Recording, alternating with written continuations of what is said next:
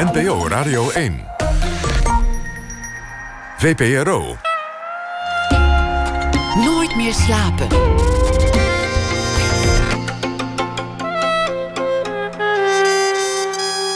Met Pieter van der Wielen. Goedenacht en welkom bij Nooit meer slapen. De Antwerpse schrijver Vincent van Menen komt langs na ene. Hij schreef een poëtische roman Tuin over een paradijs waaraan je ook kunt ontsnappen. Thomas van Aalten schrijft deze week elke nacht een verhaal over de voorbije dag. En we besteden aandacht aan het Read My World Festival, waar dit jaar de Afro-Amerikaanse literatuur in het zonnetje wordt gezet. Maar we beginnen met eh, Maria Roos, al zeker 25 eh, jaar een gevierd kunstenaar met alles wat daarbij hoort: tentoonstellingen, prijzen. Ze won onder meer de Wilhelmina Ring voor beste beeldhouwer van het land. De Singerprijs. Ze had tentoonstellingen in het Groninger Museum, in het Boymans Museum Arnhem. En haar grote doorbraak was vermoedelijk de Biennale van Venetië in 1995, waar ze destijds samen met Marlène Dumas exposeerde. In de kunsthal in uh, Amersfoort, kunsthal De Kade, is een overzicht te zien van haar werk van de laatste 30 jaar. Glas, hout, aquarellen, textiel, collages, film, van alles uh, zit ertussen glazen, glasgeblazen pikken en tieten zaadcellen, maar ook reusachtige sculpturen. Het lijkt vaak te gaan over oervormen, over de natuur en ook over vruchtbaarheid. Maria Roos werd geboren in 1957. Ze groeide op in Brabant, in Oosterwijk, volgde een opleiding in Tilburg en ook in Arnhem. En uh, daar woont ze tegenwoordig weer na wat omwegen. Maria Roos, hartelijk welkom. Ja, goedenavond. Hoe? Speciaal om hier te zijn, midden in de nacht. Ja, Leuk, dat je, leuk dat je bent gekomen. Hoe is het nou om, om, om al het werk van 30 jaar, of als een dwarsdoorsnee daarvan, zo, zo bij elkaar te, te, te, zetten? Nou, dat was een geweldig uh, mooie tocht, moet ik zeggen. Dus uh, um, ja, ik heb echt heel. Um, ja, het was een heel mooie tocht. Ik, ik, ik heb heel de tentoonstelling als heel louterend ervaren, moet ik zeggen. Dus om om uh, sowieso dat je helemaal uit je comfortzone wordt gerukt, zeg maar. Dat je, uh, moet schakelen, dat je moet. Uh, um, um, ja, je moet je aanpassen. Je hebt bepaalde uh, vooroordelen of ideeën van zo wil ik het of zo zal het eruit zien en dat gaat dus niet. En, en je komt dingen tegen en denk, oh dat werkt eigenlijk heel goed. Want ik heb dus een beeldje van, uh, van vroeger, van 85, uh, eh, wat ik eigenlijk een heel mooi beeld van mij al jaren niet tentoongesteld heb. Maar ik denk, nou dat hoort er nou bij, want ik begin in 85. En ik vond dat met houten beelden en ik eindig. Ik heb vorig jaar een grote houten beelden gewerkt. Dus dat zijn mijn laatste werken. Daarom wilde ik ook graag met die houten beelden uh, starten. En uh, om het zo weer een beetje rond te krijgen. En um, toen had ik dat houten beeldje staan. Dat zijn die vier gestapelde vormen. Een beetje Brancusi-achtige eh, stapeling, zeg maar. Maar ik zag daar ook, vond ik, toen ik dat allemaal aan het uitzoeken was... vond ik een paar tekeningen die ik in die tijd voor dat beeld gemaakt heb. De Teen heet die. En dat vond ik eigenlijk heel mooi tekening. Ik denk, nou, die neem ik ook mee. Hup, in de vrachtwagen, en dan zien we wel. En dan waren we het inrichten. En dan kom je ineens denk, hé, hey, die past eigenlijk heel goed. En ook weer bij, paste ook weer heel goed bij een beetje uh, bij die tekening bij een textielwerk wat ernaast stond. En zo kon ik dan langzamerhand mijn werk met elkaar weer gaan laten communiceren. Zeg maar, maar je zegt hop in de vrachtwagen, want zo gaat het eigenlijk. Er komt er een enorme vrachtauto van het museum. En jij hebt een overzichtstentoonstelling afgesproken. En dan moet je alle werken die je nog hebt of die je nog kunt lenen ergens. Ja die, die moet je in die vrachtauto stoppen. Ja. Daar begint het mee. Ja, eerst allemaal bij elkaar en restaureren. Dus die oudere werken moest ik weer helemaal opnieuw uh, bekijken. Zijn die eigenlijk nog wel fris? Zijn die, hoe wil ik die eigenlijk wel zo? Uh, kan het eigenlijk wel? En, uh, Vind je het nog wel goed? ja, en ik heb ook een werk die ik van in de jaren negentig gemaakt heb. Die heb, had ik eigenlijk nog nooit uh, laten zien. Dat was een tafel met, uh, met, uh, die doorboord is met spermatozoïde glazen vormen... en een kan en glazen bellen. Die, kan, die tafel had ik nog nooit laten zien, maar wel in een publicatie. En nou, ik dacht, die ga ik nu eens echt maken. En die heb ik dus weer helemaal opnieuw gemaakt, die vormen. En een nieuw onderstel gemaakt. En dus dan, ja, dat is wel mooi om te kijken wat nog actueel is. Wat ik opnieuw kan gebruiken voor een nieuw verhaal, zeg maar. Zoals ik dat nu vertel in kade. Ja. Maar het is ook een reis langs, langs jezelf. Ja. 30 jaar lang zwoegen. Je hebt altijd hard gewerkt, maar, maar ook wie je toen was. Ja. Jezelf als jonge, ambitieuze vrouw, jezelf in, in de rouw, jezelf in verdriet, jezelf in euforie. Al, al, die, al die Maria's die passeren de revue. Ja. Ja. Ehm, ja. Ja. Ja, daar wou ik iets over zeggen, maar dat weet ik nou even Nou, niet. hoe, Maar, maar, hoe maar is goed, dat, eh, nee, maar hoe is dat om jezelf zo, zo langs te zien trekken in die 30 Nou, jaar? ja, ik wou zeggen dat ik ook sommige werken zie en denk, jeetje, dat ik dat toen gedaan heb. En dat is wel als je al langer bezig bent. En toen zijn er bepaalde dingen die je niet wist. Die ging je gewoon maar doen, omdat je niet anders kon. Of dat het, eh, ehm, nou ja, dan, we- dan- ja, omdat het, eh, dan ging je die dingen gewoon doen. En dan denk ik, goh, ja, dat kan ik dan wel eh, naar terugkijken. Goh, wat een lef of wat goed. En, eh, want eh, hoe langer je werkt, hoe meer je weet hoe bepaalde processen werken, zeg maar. Hè. Dat, is dan, als je wat langer bezig bent, vind ik soms wel weer moeilijk. Want je moet eigenlijk iedere keer, ook, ook al weet je hoe bepaalde processen in jezelf werken, dan is vaak, je moet iedere keer toch weer op nul beginnen. Dat je echt denkt, want die ervaring kan je ook in de weg zitten. Van denk, oh ja, dan gaat het ongeveer zo. Nou ben ik goed bezig, hè, nou gaat het goed. Maar dan ben je zelf toch weer aan, voor het gek aan het houden. Want je, dat is natuurlijk niet zo'n leuk proces om iedere keer helemaal op nul te beginnen. Je wil het liefst al weer. ehm, ja, weten hoe het zit, zeg maar. Maar dan zie ik, als ik zo terugkijk, dan zie ik wel dat geworstel. Of ik denk, hoe is het mogelijk dat ik dat toen eh, zo heb kunnen doen? En eh, ja, en daarom mogen ze dan wel weer een beetje opgepoetst worden of de meedoen nu. En ze, zijn nog steeds, ehm, ja, ik eh, ja, hou er nog steeds heel veel van. En ik zie ook wel dat ik echt, eh, ehm, ja, Die, die spanning lijkt me, lijkt me soms ook onverdraaglijk. Je bent dan, je bent dan kunstenaar, je moet, je moet iets maken van nul. Liefst iets dat nog niet gedaan is door iemand anders. Liefst iets dat iets over jou zegt. Alles mag. Waardoor, waardoor dat is eigenlijk ook de onmogelijke Maar opdracht. je- jij leert ook wel om, eh, dat je gewoon eerlijk moet zijn. Ik begin altijd in mijn, eh, eh, bij mijn tekeningen, bij mijn aquarellen. En dat is het vertrekpunt. Ja, vertrekpunt. Daar gaat, dat is een schetsboek en daar noteer ik eigenlijk. Ik noem het tekeningen, maar het zijn eigenlijk aquarellen.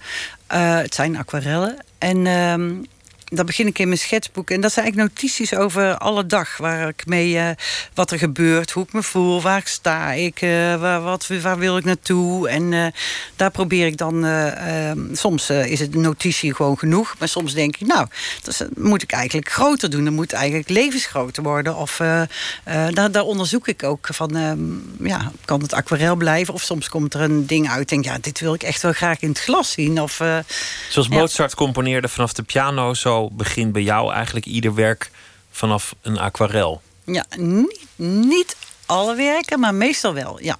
ja. Soms kan- begint het ook gewoon vanuit het handelen en het doen. Va- Vanuit, vanuit het, eh, het, het worstelen met de, met de materie. Ja, ja.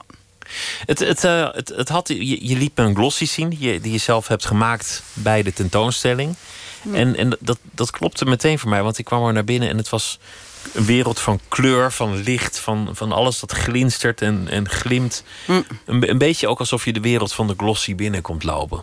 Ja, ik vond het heel leuk dat je dat eh, opmerkte. Want dat, eh, zoals, ehm, als ik zo'n tentoonstelling begin, zoek ik altijd naar een soort parallel verhaal. Van wat voor allure moet zo'n tentoonstelling nou hebben? Moet die nou heel, ja, heel, heel aards of heel. eh, heel ja, ik probeer een soort parallel verhaal te vinden. Dat probeer ik sowieso in mijn werk. Dat het niet. eh, eh, ehm, ja, een parallel verhaal noem ik dat zelf. En eh, eh, toen, eh, toen dacht ik gelijk eh, aan de Vogue. Of, en, eh, ik vond dat het klasse moest hebben. Het moest een eh, uitstraling hebben. En eh, ehm, ehm, ja, toen dacht ik aan de Vogue. En toen heb ik een vormgever... eh, ehm, eh, Julius van der Vaart, waar ik wel eens vaker mee gewerkt heb. En eh, ik zei, ik zou eigenlijk wel een glossy willen maken. Want ik had ook heel veel erg leuk materiaal eh, in aanloop van die tentoonstelling. Ik had collages gemaakt waar ik misschien een uitnodiging van wilde maken. Ik had heel leuke foto's van het maken. Ik had tijdens het werken in Tsjechië had ik een heel verhaal over geschreven. Over het werken met glas en met hout. En, nou, ik dacht, dat vind ik wel mooi om dat allemaal samen te bundelen. En dacht, oh, dan moet er ook een reisrubriek bij. Dus ik heb ook foto's van het landschap in Tsjechië... waar ik dan eh, vaak doorheen rijd. En wat ik zelf een heel mooi foto van gemaakt... met een, eh, met een eh, regenboog. En ik denk, dan moet natuurlijk een schoenenrubriek in. Dus ik heb ook dingen met schoenen en voeten... En uh, zo hebben we uh, ontzettend veel plezier gehad. En dat gaf mij ook heel veel vrijheid in, uh, in een aanloop van die tentoonstelling, waar je toch gebonden bent aan die ruimte. En, en het is natuurlijk een heel specifieke ruimte, die ruimte van Kade in Amersfoort. Is heel hoog en het heeft verdiepingen en het heeft verschillende kabinetten. Dus ik probeerde ook ieder kabinet een ander soort uitstraling te geven. of een andere aanpak. En zo heb ik een tekenkabinet met, met veel aquarellen. En ik heb een kabinet met overwinnaars. En, uh, maar uh, zodoende is ik los erbij gekomen. En dat heeft mij heel veel vrijheid gegeven om die tentoonstelling te kunnen maken. En ook heel veel plezier. Een kabinet met overwinnaars, dat zijn allemaal foto's Oh ja. uit de krant van Ja. een hele lange periode, zo'n zo'n 20 jaar lang. 85.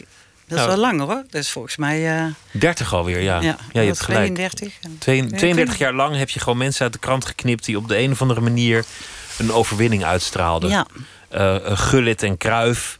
Maar Ja, ook. het begon, begon met Bernard Hinault. Bernard, Bernard Hinault, die de proloog won in de eh, Tour de France. En dat was in eh, 85. En dan vond ik een hele mooie foto. Die vond ik gewoon in de krant. En eh dan werd hij door zijn eh, beide ouders gekust. En dan zie je eh, zo'n moment dat eh, alles is uitgekomen. Het mooiste wat hij ooit gehoopt had, waar hij altijd voor getraind heeft en altijd naartoe heeft geleefd. En dan ineens is het zover. En dat, dat moment, dat was zo mooi. En toen. Eh, was er een tentoonstelling over verzamelingen. En eh, dat vond ik allemaal een beetje rare dingen bij elkaar. Met eh, strijkijzers en, nou ja, goed, eh, voor broodroosters geloof ik. Maar toen dacht ik, heb ik eigenlijk ook een verzameling? En ik denk, ja, mijn overwinnaars. En dat is tenminste ook een beeld. En toen ben ik daarmee verder ga- gegaan. En ik heb ook overwinnaars, bijvoorbeeld eh, eh, de David van Michel, Michelangelo.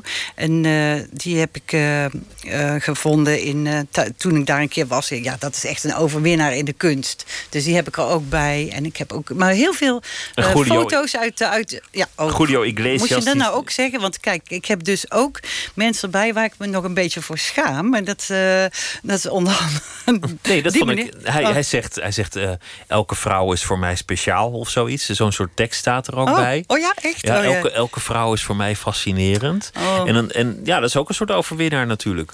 Ja, dat vond ik in die tijd wel. Als ik, het dan, ik heb nu wel eh, niet eh, geselecteerd. Dat vind ik niet helemaal eerlijk. Want het geeft ook een beeld van mijn, van mijn eigen ontwikkeling, zeg maar. Of, Van jouw Ja, en fascinatie. het is ook op dat moment. Hè. Dus eh, dat ga ik niet zeggen van... er zit ook een, een bokser bij die ik eigenlijk, toen wel heel goed vond... maar later toch eigenlijk een beetje een raar type vond. En... eh, ehm, maar ik laat hem gewoon wel zitten. Op dat moment heeft hij mij wel kracht gegeven of iets gegeven. Waardoor ik het eh, energie gegeven, zeg maar.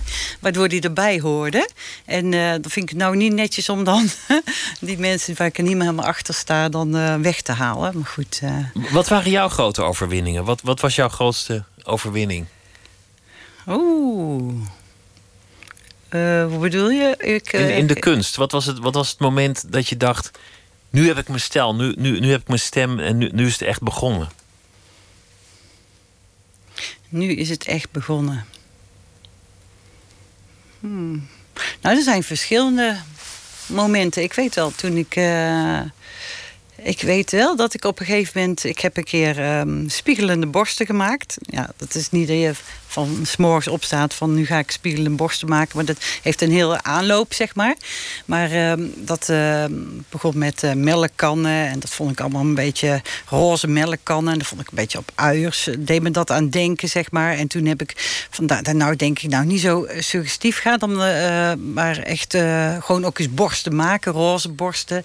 En toen vond ik dat, toen vond ik die roze borsten, denk ja, die hebben zo, dat is heel lijfelijk. Hè. Ook die kleur heb ik roze borsten van glas gemaakt. En ehm, toen dacht ik, ja, ik zou eigenlijk ook wel van spiegel willen. Ik, eh, ik vind het altijd mooi als het ook een soort gebruiksvoorwerp is. Ik noem mijn werk ook vaak gebruiksvoorwerpen voor een bepaald gevoel. Toen dacht ik aan een spiegel, die je aan bijvoorbeeld in een groot huis of hal heb je zo'n mooie, vaak mooie spiegel hangen, een entree. Dacht ik, als dat nou eens een vorm van borsten heeft, dus spiegelende borsten, waar mensen en als je daar dan in kijkt, dan wordt er niet gereflecteerd, maar dan word je erin gezogen. Dan word je in die borsten gezogen. En dat leek me heel mooi als een soort spiegel. Nou, die heb ik toen gemaakt. En toen heb ik die ook uh, uh, gefotografeerd en aan de muur gehangen. En toen dacht ik, nou, toen waren we de foto's aan het maken. Dan gaan we eens mee naar buiten. En toen was, liep ik mee naar buiten met die dingen. En dan kwam heel de groen en de tuin en alles kwam erin. En toen heb ik ze ook aan de, mijn pruimenboom uh, gehangen. En toen had ik iets van, hè, wat, uh, en dan werden het ook pruimen of raap, rij, rij, ja, gekke buitenaardse vruchten. Of, toen had het heel veel dingen bij elkaar. En uh, toen kwamen heel veel dingen bij elkaar. Ja, Zo'n overwinningsmoment, dat heb ik. Uh, ja, toen dacht ik, hé, hey, hier heb ik wel iets te pakken, zeg maar. Dus, en toen. maar iets te pakken voor jezelf? Van, ja, voor mezelf. Maar dat, dat, dat is overeenkomstig maar... ook met die verzameling overwinnaars. af en toe heb je in je werk dat dingen bij elkaar komen. Dat even alles waar je naartoe geweest gewerkt hebt, dat dat even bij elkaar komt. En dat het mooier is dan dat je had gehoopt, zeg maar. En uh, dat heb je in je werk. En dat is ook waar, waarom je werkt, zeg maar. Het is niet dat het één moment is in mijn werk dat ik dat zo heb, maar, uh, of in mijn, in mijn carrière. Maar dat, zijn ja, dat is eigenlijk waar je het voor doet. Maar dat was ook een soort hit in de kunstwereld? Nou, toen is het wel. Uh, ik denk doordat je het uitgesproken. Uh, ja, dat is toen wel een. Uh, toen is, is zelfs, die zijn zelfs naar Venetië meegegaan. Die pruimenboom ook. Toen hebben we een pruimenboom in de tuin bij, naast het Nederlands paviljoen gezet. Met die spiegelende borsten erin. In het paviljoen waren er ook te zien, maar ook daar in de. In de naast het paviljoen. Ja. Je maakt veel borsten, veel, veel spermatoïden en veel piemels. Nou, veel. Nou ja, nou, ja de, net of ik een winkel heb of zo. Uh. Nee, maar als je, als je door die 30 jaar van je ja. oeuvre loopt... Dan, dan, dan kun, je, kun je het aantal pikken wel op de vingers van zes handen tellen. nou, ja, toch? Ik heb dat, uh, ja, misschien wel, ja. Ja. Maar het, is, het gaat niet over seks. Het, het, het, is, het is nooit pornografisch. Dat nee. is niet waar het over gaat. Nee, het gaat wel denk ik over man en vrouw en de ontmoeting van uh, man en vrouw. Ik vind uh, ontmoeting vind ik iets heel moois. Hoe dingen bij elkaar kunnen komen, hoe man en vrouw of mensen sowieso. Een ontmoeting is niet moeten, dat is ja, dat, en um, um, en dat contrast heb ik ook vaak. Dat uh, bijvoorbeeld uh, uh, dat het ontmoeting is met twee verschillende materialen die bij elkaar komen.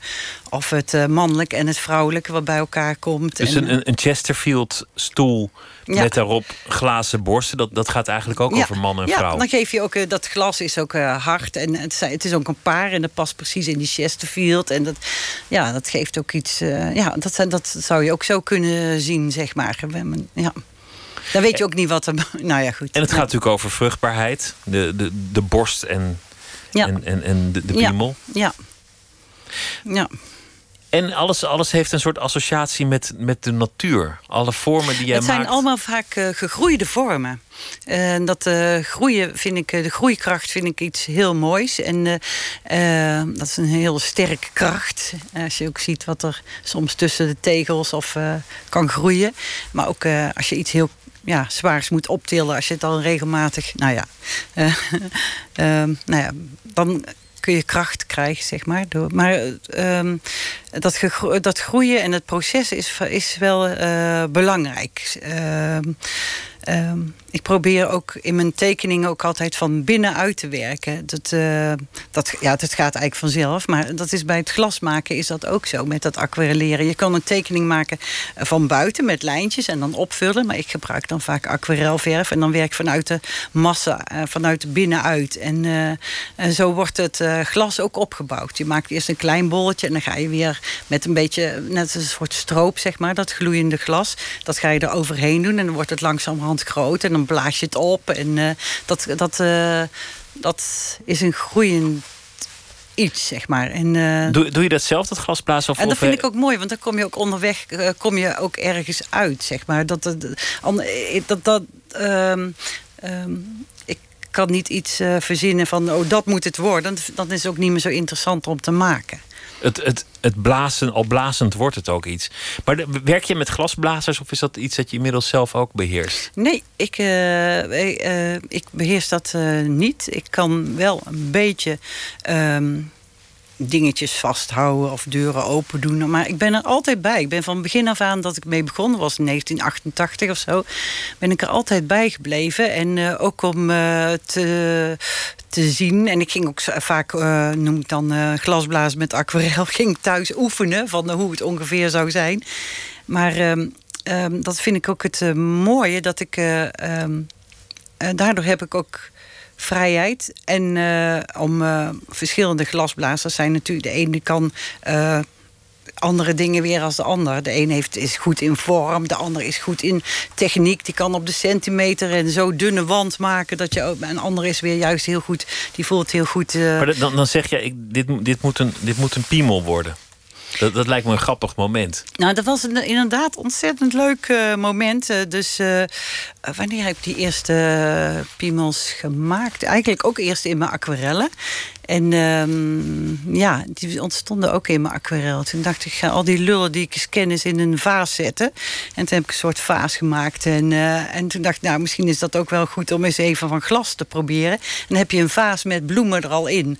En uh, dat was nog best wel suggestief. Want toen zeiden mensen, oh, een mooie anemone of zo. Ik denk, oh, nou, ik moet misschien toch iets explicieter, explicieter zijn. En uh, toen hebben we dus echt de piemels van glas gemaakt. Maar dat is ontzettend leuk om te doen. Want aan zo'n blaaspijp heb je al zo'n sliertje hangen en een beetje zwiepen. En ja, het, het, het, het zit al heel erg in het uh, glas maken zelf, zeg maar. En, uh, dat organische. Ja, ja, dat organische, ja. ja. Het was wel... Uh, ja, wel. En op een gegeven moment heb ik ook daar asbakken van laten maken. En dat, dat dan zit je in zo'n glasblazerij met al die mannen. En dan uh, zeg ik, ja, ik wil toch een beetje realistisch. Want ja, goed, in Tsjechië, uh, het is heel fysiek werk, dat glasblazen. En ik heb het idee dat daar het, uh, ja, helemaal niet zo van opkijken van borsten en piemels. Dat is daar op een of andere manier het idee wat natuurlijker dan. nou, weet ik niet of dat zo is. Maar goed, ze keken er niet echt van op. Maar als ik zeg dat het heel realistisch moest worden toen wel, weet je wel. En, maar dan moest ik, stond ik met een rood hoofd erbij. Van ja, het moet toch een beetje meer zo. Ja, ik heb er eigenlijk ook geen verstand van. Maar kijk, ze hebben er zelf allemaal misschien wel één. Dus, maar het was ontzettend uh, grappig toen. Want die teams, uh, ik werkte toen ook met twee teams. zijn van vier mannen. En... Nou, er was een heel gekakel en gedoe en allemaal bij elkaar in de broek kijken. En de directeur van de fabriek die kwam zelfs. Nee, dat meen je niet. Kwam naar beneden van wat zij die aan het doen. Want het was ontzettend lol hebben we ook gehad. En uh, nou ja, we hebben erg veel plezier gehad. Ja. De, de, de wereld van, uh, van de kunst maken, ja. en, nou en alles wat erbij komt kijken. Ja. We gaan luisteren naar uh, een Amerikaanse blueszanger, Son Little. En dit, dit nummer heet Letterbound. Hmm.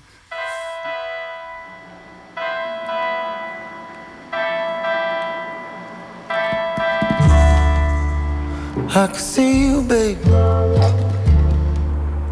See you all around. And I'm bleeding, babe. But I ain't falling down. And I want you, I want you, I want you. No. You can call on me any day. Saturday, today. You ain't gotta go to work. Can stay right here and play or listen to the lightning, thunder, and rain. Come on, so exciting. So glad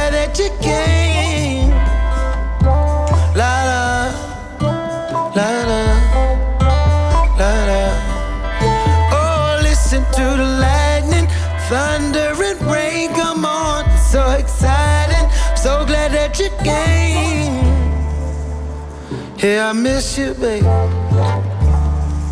Now I'm so far away. Bet I would go crazy. Except I've been that way. And I need you, I need you, I need you. Oh, since we don't have the time. Gotta make it babe.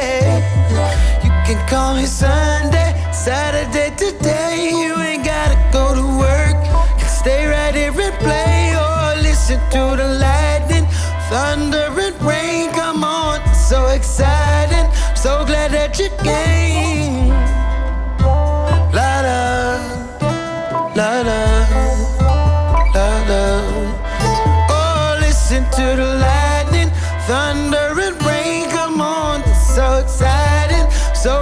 So glad that you came. La la la la la. Oh, oh.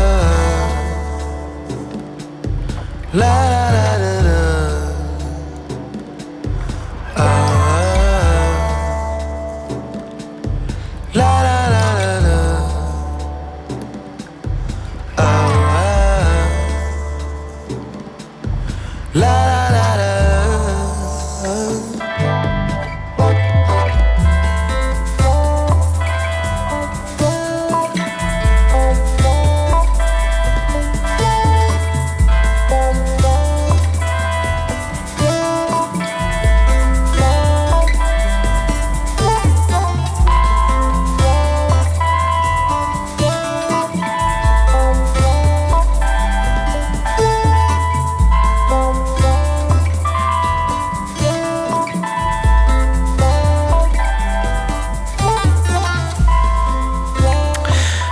Van het eh, nieuwe album New Magic van Sun Little Leatherbound.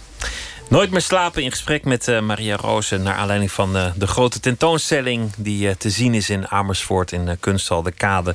We hebben al een beetje het, het, gehad over het werk. Je zei natuurlijke vormen of eigenlijk dingen die, die ontstaan zijn... die organisch zijn. Je, je bent opgegroeid ook een beetje in de natuur.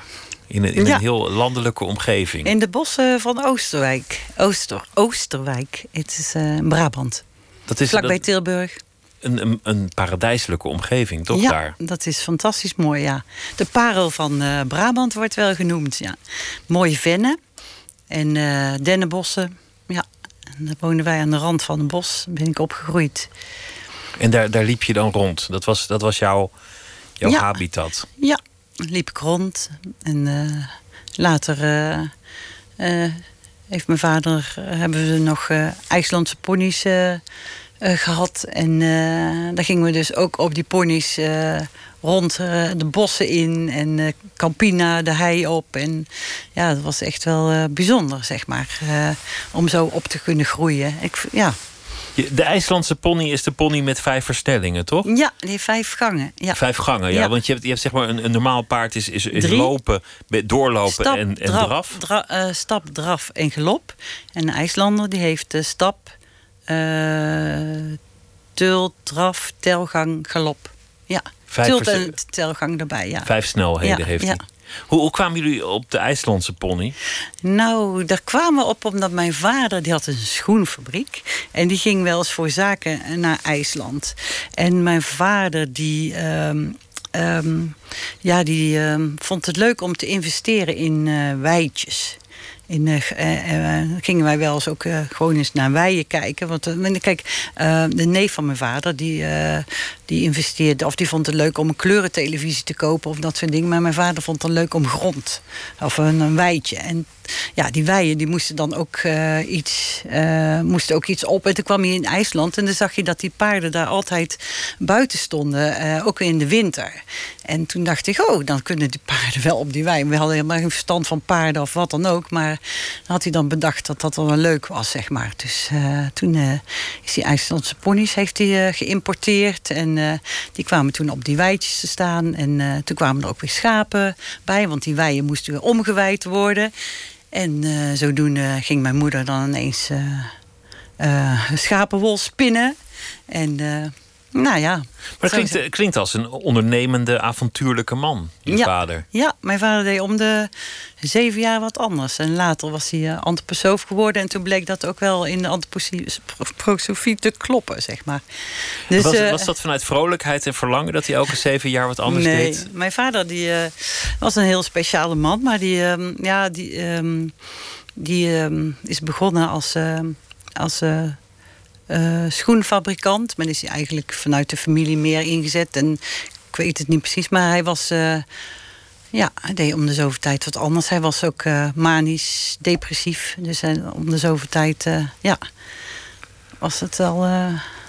eh, Het kon, ja. het, het en dan ging iedere keer kwam er weer wat anders. Ja, dan, ook, dan ineens waar hadden we paarden. En dan, dan uh, ja, dan, uh, ging, maar langzamerhand uh, ging het ook van, die, van, die, van die compost werd het weer tuin, werd het een tuinerij, biologisch dynamische tuin. En ja, zo hebben wij heel wat dingen meegemaakt bij ons thuis, zeg maar. Want het veranderde.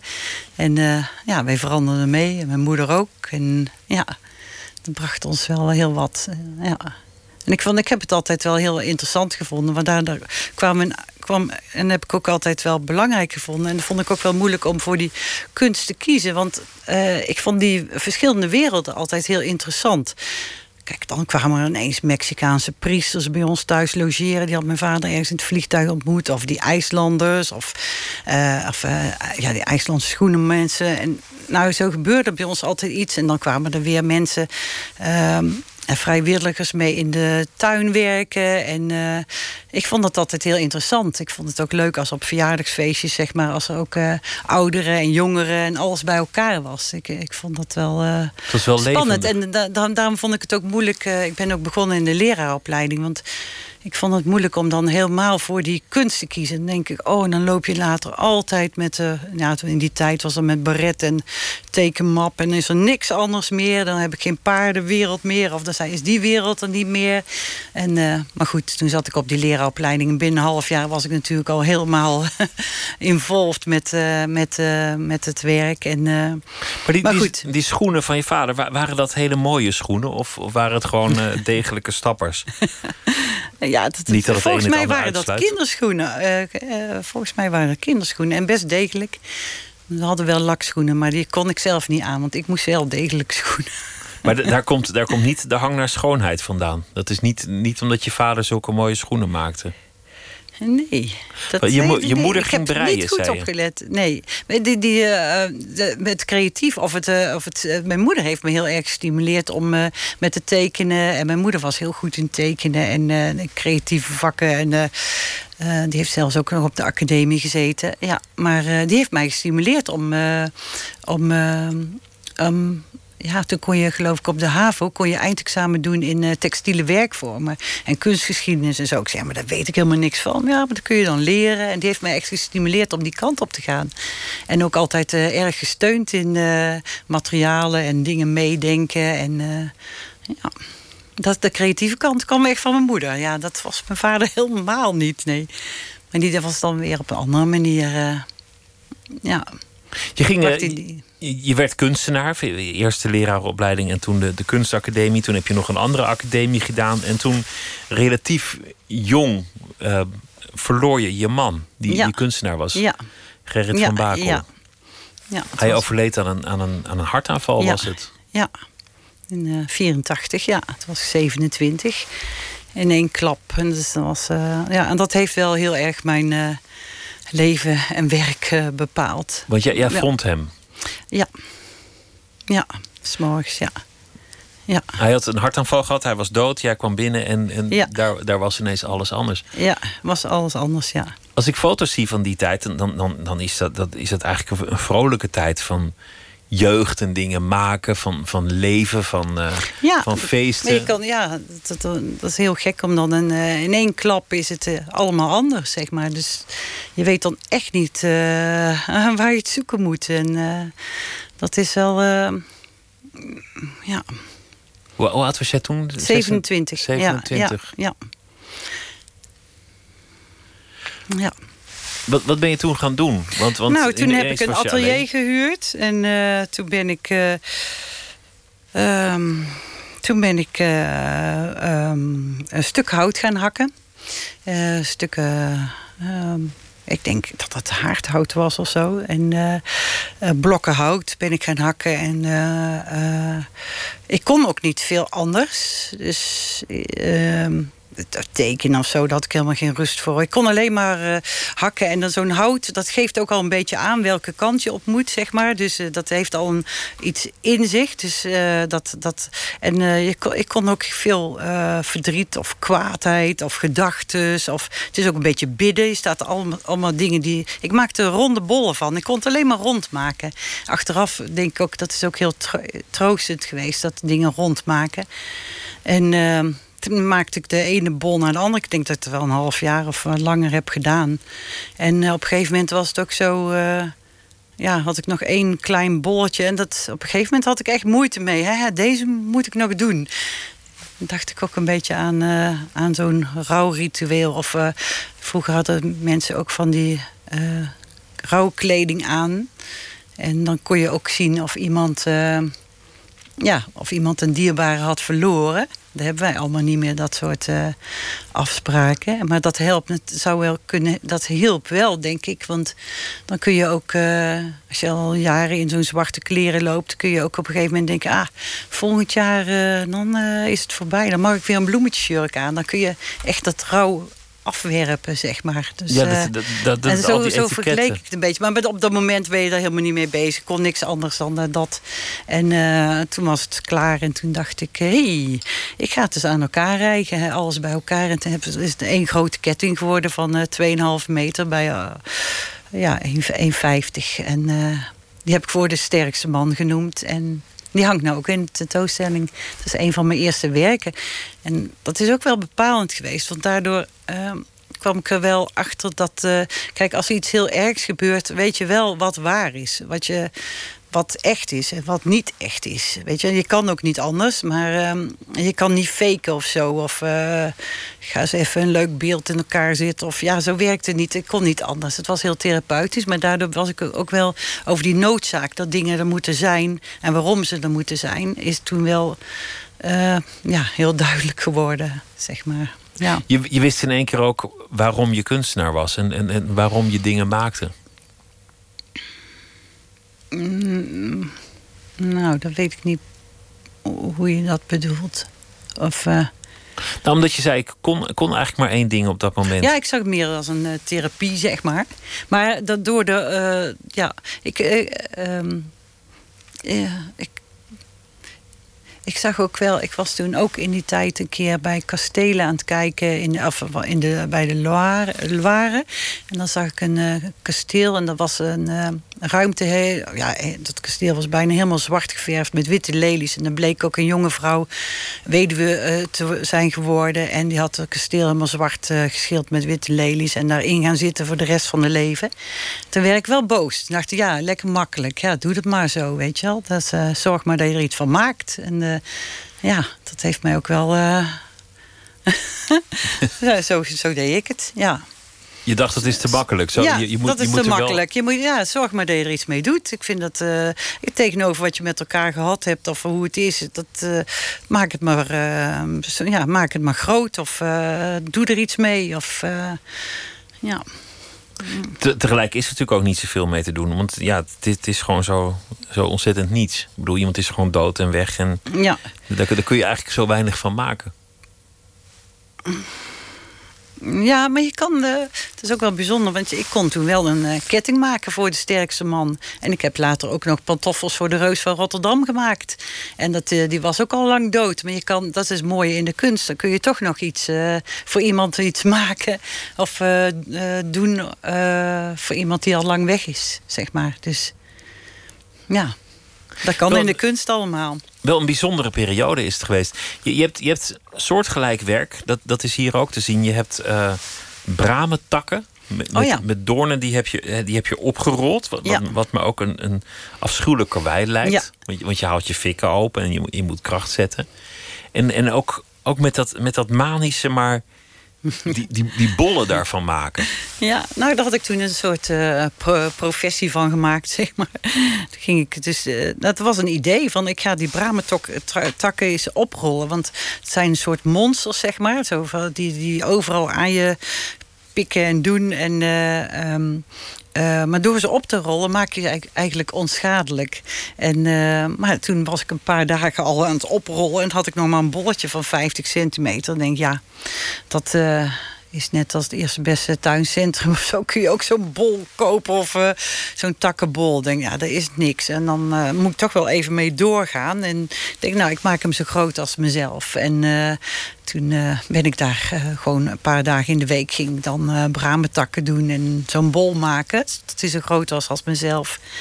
En toen, ja, toen heb ik hem tentoongesteld. En dat was echt ook een... Ja, een bijzonder werk. En uiteindelijk ook in de fik gestoken. Ja, toen heb ik hem na ik had een paar keer geëxposeerd in uh, tentoonstellingen. En ook uh, die tijd moest ik wel van het ene pand naar het andere verhuizen. En toen hebben we hem. Uh, toen begon hij ook een beetje in te zakken na een paar keer. Want ja, het was rond. Dus je moest hem iedere keer ook een beetje verleggen. Dat hij niet plat werd aan één kant. En toen besloot ik hem in uh, 2000. Dacht ik, nou, dan heb ik hem lang genoeg meegedaan. En nou, verkopen zal wel niet lukken of zo. Maar nee, toen denk ik, ik ga hem in de fik steken. En uh, toen heb ik dat gedaan op de binnenplaats. Bij ons atelier. En uh, dat heeft een prachtig vuur uh, opgeleverd. Heb je het gezien, de film? Of, ja, ja, uh... natuurlijk heb ik het oh, gezien. Ik, ja. ben, ik, ben, ik ben zelf geen pyromaan, maar ja. als iemand die anders iets in de fik steekt, dan kijk ik wel altijd. Ja. Nou, het was echt een, nou, het was echt een heel bijzonder vuur is dat geworden. Het, was, het werd wel zes meter hoog. En dat, ik had het eigenlijk ook niet zo goed in de gaten. Want ik dacht, ik heb geen idee hoe zoiets gaat branden. Maar ja, er zat er heel veel gekke energie in. Want op een gegeven moment, dan, uh, nou, het wordt een beetje een komeet. Die bol, die, wordt, ja, die krijgt een, helemaal zo'n staartachtige vlammen. En uh, um, ja, en op een gegeven moment wordt het ook, valt die komeet weer in twee. En dan worden het twee vormen die omhoog zwiepen. En dan wordt het ook een soort vulkaan. En dan komt er rook uit en dan ineens weer een vlammetje. En ja, net of er allerlei geesten of dingen, alles wat ik erin gestopt had of zo, dat dat op alle gekke manieren zich weer aan me verscheen. Maar ik vond het ook gewoon een mooie, mooie vlammenpartij. Dus, uh, maar het was, ja. het, was, het was een heel mooie, mooie fik. En inderdaad, Ja. alsof er allemaal gekke dingen gebeurden. Nou, ja. Ja, dat Ja. zag ik ook pas toen ik het filmde. Want daar heb je van tevoren geen idee van. Het, het begint ook, die film begint... eh, eh, het is alleen maar een registratie daarvan. Hè? Dus eh, dat... eh, ehm, in het begin duurt het ook heel lang voordat ik hem aankreeg. Ik wilde ook niet met blokjes of eh, spiritus of zo dat ding aangesteken. Ik denk, nee, gewoon met een lucifertje bij. Het is al zo droog. Dat moet al ergens, ergens moet dat uit zichzelf beginnen. Dus ben ik op verschillende plekken. En je ziet in de film ook, dat zie je mij eindeloos met die eh, lucifers rond. En op een gegeven moment begint het. En dan gaat het helemaal zo zijn eigen weg. En dan loopt het ook echt helemaal uit de hand. Want eh, op een gegeven moment te denken, oh, we moeten toch wel water pakken. Of toen hoorde ik mezelf ook nog zeggen, zeg eens even dat het niks is. Want er kwamen natuurlijk mensen kijken. Dat vond ik ook zo'n leuke opmerking. Van, zeg eens dat het niks is, weet je wel. Ja, het is niet niks. Het is wel... eh, maar goed, dat staat eh, op de film, ja. En die heet ook weer vuur. Dus eh, ja, zo komt alles Maar- weer bij elkaar. Wat bij elkaar komt, is dat je toeschouwer van je eigen werk bent. Als, als het glas zijn eigen vorm aanneemt in die, in die hitte. Ja, Als het, als het vuur ontstaat waar je ook geen greep meer op hebt. ja maar je- dan krijg je, cadeaus, weet je. Als je hakt Ja. in een boom, maar je volgt gewoon de nerven. Dat Ja. gaat helemaal niet over jouw beweging, maar over de beweging die, die al in die boom zit. En, Ja. en als het gaat over het, het kiezen van een thema en dat verzamelen in de krant, heb je het zelf ook niet meer voor te zeggen. Eigenlijk, eigenlijk ben je zelf de, je eigen publiek. Je kijkt hoe je eigen werk ontstaat, het liefst. Ja. Nou, ik, ja, ik wil er ook graag bij zijn. Want dan, ik, bedoel, het sturen en het ruimte maken voor iets ontstaan, dat is het werk eigenlijk. Hè? Dus ehm, het, eh, ja. En eh, dan, daar moet je dan proberen zo goed mogelijk in te, te, te navigeren en te zijn in het moment. En eh, dat zijn allemaal dingen, ja, dat. ehm, waardoor je ergens uit kan komen wat mooier is wat je ooit gedacht had, of dat het iets teruggeeft. Want dat is het mooiste, zeg maar, dat je iets terugkrijgt. En dat je. Het gaat over waarnemen uiteindelijk. Over het kijken. Nee, meemaken, het zijn, denk ik. Niet het waarnemen. Je moet, ik vind het wel heel fijn om er wel bij te zijn en deel van uit te maken. Ja. En ik vind ook mooi dat het een eh, levend. Ja, dat je, dat je erbij bent. En dat is. Ja. Ik, ik zit ook nog met het beeld in mijn hoofd van jou als jonge vrouw op een, op een IJslandse pony met, met vijf versnellingen over, de- over, over de, de, de, de heide Ja. Nou, en zo'n door de bossen. Ja, zo'n zo, zo'n zo'n eh, opvoeding, maar ook eh, zo omgang met zo'n eh, groot huisdier. Hè? Dat, eh, dat vind ik toch ook wel heel erg bijzonder dat ik dat meegekregen heb. Dat ik dat. eh, dat je met zo'n groot beest uh, uh, om kan gaan. Ook, soms denk ik ook wel eens, oh, dit moet het formaat van een paard worden of zo. Dat, je, dat is toch heel, heel bijzonder. Dat je zo'n paard een beetje opzij kan duwen of zijn poot op kan, of been, pardon, mijn voeten op kan pakken. En uh, in zijn mond kijken als je wil, ja, of, dat er zo op kan springen. En die, die, omgang met zo'n beest is toch wel heel bijzonder. En ik heb wel een keer. Um, um, bij, tijdens een lezing heb ik een keer een eh, IJslandse pony uh, meegenomen. was een uh, lezing, moest ik ook een lezing geven over mijn werk op de academie in Den Bosch. En toen zei ze, ja, je kunt wel iets wat bepalend is geweest voor je, voor je leven... of kun je wel meenemen. En, dan mocht ik iets, nou, een vuurspuger of zoiets. Of, nou, toen dacht ik, nou, neem ik een IJslandse pony mee. Dan kan ik dat eens laten zien wat voor beest dat is. En ja, ik was het ook wel erg geïnspireerd door eigenlijk uh, de Artepovera mensen die dan met echte materialen werken. Dus ik heb ook uh, ik gebruikt ook in mijn werk ook wel ja, uh, echte melk in de melkkannen en ja, en, uh, en de Artepovera man, een belangrijke man is Janis Cornelis. Die had ook zijn een keer een opstelling gemaakt van uh, paarden in een galerie. En dat vond ik zo'n mooi beeld. Gewoon een lege ruimte met alleen maar paarden. En, uh, nou, want, in die, die uh, zin kon ik ook iets vertellen over mijn inspiratie. Maar ik kon want, ook zo'n paard meenemen die dan staat te hinniken in, in zo'n zo'n school. En ja. Maar Arte Povere, dat, dat, was ook een soort ideaal dat erachter zat. Namelijk van, van alledaagse materialen kunst maken waarmee je, waarmee ja. je anti-elitair bent. Dus, dus niet van goud en, en, en edelstenen. Ja, maar gewoon iets pakken dat er is. En, dichtbij en ook, dicht bij huis. Ja, Alles kan kunst worden. Iedereen kan kunst maken als je maar de ideeën hebt. Dat was uh, eigenlijk de gedachte. Ja, ik had altijd begrepen dat het ook een soort reactie was. Uh, het was, kwam in de jaren 50, 60 zo op, geloof ik. Dat het uh, ook een reactie was op alle die nieuwe materialen. De kunststof en de plastics en dat soort dingen. Dat hun weer gewoon ja, down to earth met aarde en uh, vuur en, uh, textiel. Uh, ja, en jute zakken. En, en dat sprak mij wel heel erg aan. Bij jou gaat het ook voor een groot deel over ambacht. Je bent altijd gefascineerd door ambachten. Of het nou gaat over textiel of, of glas of, of, of, keramiek. Je, je, je, wil altijd jezelf verdiepen in... in de materie, in de materie en het laten ontstaan, denk ik, ja. Ja. Ja, waar dat er vandaan komt, dat, uh, ja, dat, dat geeft mij ook voeding, zeg maar, die, dat ambachtelijke. Dat, uh, daar leer ik ook van. Daar zie ik vormen uit ontstaan die ik zelf nooit had kunnen vinden. Daarom vind ik het ook fijn om met verschillende glasblazers, maar ook met breisters of mensen die de techniek heel goed beheersen. Kijk, anders uh, voor glasblazen moet je van, van, van, van jongs af aan beginnen. En dan ben je, uh, nou sowieso die motoriek heb ik totaal niet en, en het gevoel daarvoor. Maar je moet er echt tienduizenden uren maken om iets te kunnen maken. En, um, um, maar eh, je ziet, ja, ik vind het heel mooi om met de mensen die die, die, die expertise hebben, die weten hoe zo dingen werken, uh, om daar samen mee op pad te gaan, zeg maar. Dat, uh, dat je dat samen iets gaat maken. En dan kijken waar het, waar het uitkomt. Ja. Je haalde laatst een, een, een, een, sprookje van, ik geloof, Godfried Bomans aan. Dat, dat ging over, over de man die alles had. Ja. En, en dat ging dan over, over de kunst van het de kijken. Rijke, ja, de rijke bramenplukker. Nou, of het beleven, of het... Uh, een sprookje van Godfried Bomans. En uh, die beschrijft uh, het sprookje van de rijke bramenplukker. Die helemaal alleen, zonder dat hij iemand kent... in de, diep in de bossen woont. En dan... wil je weten hoe dat gaat? Of moet ik het vertellen? Ja, ja, of, ja, ja. En dan wordt hij op een dag wordt hij eh, door een ontdekkingsreiziger, die komt hem tegen. En, uh, um, nou, en dat vindt hij dus ontzettend mooi om dan iemand anders te zien. Die, uh, de man had nog nooit iemand anders gezien. Dus die zegt: Goh, je bent precies, precies als ik. En wat leuk, ik zie nooit iemand. En nou, dus helemaal verwonderd dat, hij, dat er nog iemand bestaat zoals hij. En dan.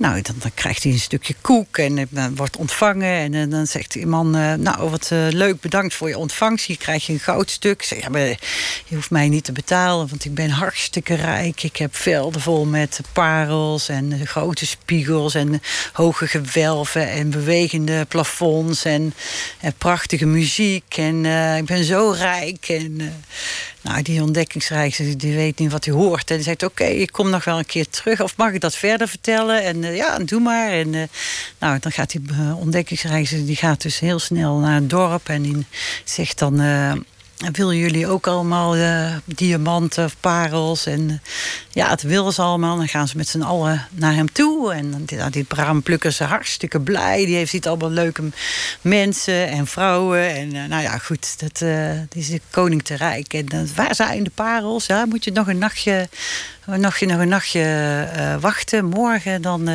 en dan morgen staan ze allemaal te trappelen bij zijn deur. En dan, uh, dan komt hij naar buiten en dan... Oh, wat is het toch mooi. Wat hebben jullie toch getroffen. Vol met parels hier. Ja, maar dat zijn geen parels. Dat zijn dauwdruppels. En waar zijn die spiegels dan? Oh, dat zijn meren. En dan worden ze heel boos op hem. En dan wordt hij gedood. Tot en dan s'avonds dan zingt zijn mooie zijn zanger, de nachtegaal, die zingt dan terwijl hij aan de boom bungelt. Ja. Maar goed, ik vond het wel een heel mooi, uh, mooi verhaal hoe je dingen kan zien en uh, de, beleven, zeg maar. Het gaat over het kijken en het, uh, en het, en het beleven. Ja, maar ook het parallel verhaal, zeg maar. Dat het ook parels zijn, maar het zijn ook dauwdruppels. Dus ja, ik vind het, wel mooi als het meerdere kijkt. lagen heeft. Ja. Als, je, als jouw werk verkocht is of ergens hangt. De, de, er is laatst een werk van jou gestolen. Oh ja. In, uh, in, in Apeldoorn. Ja. Het, het was al omstreden. Degene die nog tips heeft, wat, wat, kan zich melden. Wat, wat doet dat met jou? Hoe, hoe dierbaar is dat werk? Want, want je hebt het uit handen gegeven, het wordt opgehangen en ineens ja. is het weg ja, er zijn verschillende verhalen. Misschien omdat iemand het materiaal wilde omsmelten. Misschien iemand die boos was over het kunstwerk. Of, of kan van alles zijn. Opdracht van een, een rijke verzamelaar. Of een, uh, kan verzamelaar. ook nog. Nee, Opdracht van een rijke verzamelaar. Nee, van, nee, een rijke verzamelaar denk ik niet. Maar, nee, maar goed. Kan, het, het kan van alles zijn, maar, maar Raakt dat jou? Of wat was jouw eerste reactie als je dat hoort? Nou, ik vind het zonde dat het daar weg was. Ik was hartstikke trots op dat beeld. Het was een, uh, in het Springerpark. En dat had ik uh, kunnen maken omdat ik die Wilhelmina ring had gewonnen. Beeldhouwersprijs. En uh, ja, ik was heel trots op. Want ik was de enige die daar uh, niet daar op de grond iets heeft staan. Maar ik had het in de boom gehangen. En echt heel veilig en hoog. En ehm, echt moet van goede huis komen om het daar weg te halen. Dus maar goed, het is ja, weg. Een, ik vond het heel, heel, heel, heel erg, ja. En het heeft er al acht jaar prima gehangen. En het is gewoon een heel fijn idee dat daar op zo'n uh, mooie plek... of uh, dat, dat dan beeld van mij daar een eigen leven leidt. En uh, ik kan gewoon niet uitstaan dat dat nou ergens ligt... ja, de mensen dat hebben meegenomen voor ja, ik denk dat 50 euro oplevert of zo als je het naar een oud ijzerman brengt. Of, uh... Ik hoorde dat jouw eerste neiging was om er meteen naartoe te gaan ja, en, en zelf was... te gaan zoeken waar het zou kunnen zijn ja. als een detective. Ja, Nee, ja, toen ik dat hoorde. Ik was uh, die tentoonstelling te inrichten in Amersfoort. En ik kon natuurlijk helemaal niet weg. Ik kon het, die, die opwinding ook niet gebruiken, zeg maar. Maar ik denk, als dat niet was geweest... dan was ik denk wel... Uh, ja, in de auto gesprongen en had ik uh, net zo lang gespeurd en gedaan en een drone gehuurd. En weet ik veel totdat ik het uh, gevonden had hoor. Dus uh, misschien ga ik het nog wel doen als ik, als ik er nou zo over heb. Dat, ja, ik kan er gewoon niet uitstaan. Dat moet gewoon ergens zijn. Ik, dat, dat, dat, dus ja, dan kun je het blijft zeggen, wel je, van jou dus. Het, het is ja, je dierbaar. Is, ja, dus, dat is mijn beeld, ja. Ja. Dat is van mij, ja. Dat raakt jou persoonlijk als het daar niet, niet, niet meer hangt? Of, uh... Nee, en dat mensen dat gewoon dan uh, uh, iets waar je zo lang aan gewerkt hebt en zo je best op gedaan en proberen om daar iets bij te dragen wat volgens mij ja, echt wel iets bijdraagt en waar mensen iets aan kunnen beleven. Om dan dat het gewoon weg is voor, voor ja, respectloos. En ik dat vind ik wel ja, best wel erg eigenlijk. Ja. Nee, waren, mogen ze gewoon niet aankomen. Er waren ook mensen die, die, die het beeld niet wilden hebben, die het niet mooi vonden. Oh ja, dat was in het begin. omdat het. Uh, het is een net met uh, spiegelende uh, vormen erin. En daar zit dat spiegelende vorm van borsten en piemels en konten. En billen dus eigenlijk. En, uh, maar ik had het schetsontwerp gemaakt en dat was van roze glas in een net. En toen uh, had ik er wel bij gezegd van hé, dat wordt spiegelend. En uh, dan wordt heel de natuur daarin gespiegeld. Dus het is bijna niet te zien, zeg maar, dat dat dat is. Alleen voor de goede kijker. Nou, misschien zie ik daar wel iets in of zo. Hè? Of zie ik daar iets. en, maar goed, nou, er was toen wel een hoop commotie van tevoren over. Dat het toch echt niet kon. En, maar goed, toen het uiteindelijk bij de opening, toen noemden ze het van de olifant werd een muis of zoiets. Nou ja, goed. Iedereen zag eigenlijk dat het ehm, ja, heel erg mooi in de natuur opgenomen was. En dat was ook mijn bedoeling. Kijk, uh, er staan ook overal in, in openbare ruimte vrouw, beelden van naakte vrouwen of zo. Dat kan allemaal wel. En ik, ja, die dingen van mij, die zijn onder, als ik gezegd dat dat peren en appels waren. Maar ik, vind, ik vond juist dat Adam en Eva, Eva-idee vond ik heel mooi. Zo in zo'n park, dat het weer spiegeld is. En uh, in de natuur. En, um, dus het was helemaal niet aanstootgevend. Ik vind die uh, mensen die die gedachten hadden, die, vond ik, die vind ik veel aanstootgevender ja, eigenlijk. Dat, dat ligt altijd moeilijk, kunst in de openbare ruimte, helaas. Maar uh, dat, dat, is nou eenmaal zo. Ja, nee, maar goed, daarvoor is het ook heel belangrijk dat er dat is. Dat is ook wel heel jammer dat dat steeds meer aan het verdwijnen is... of steeds minder plek voor is. Dus uh, ja, het is heel belangrijk dat dat is. Dat mensen daarmee mee omgaan en ja, ik denk dat ook heel veel mensen het wel mooi vonden in Apeldoorn. En daar langs wandelden en plezier aan konden hebben.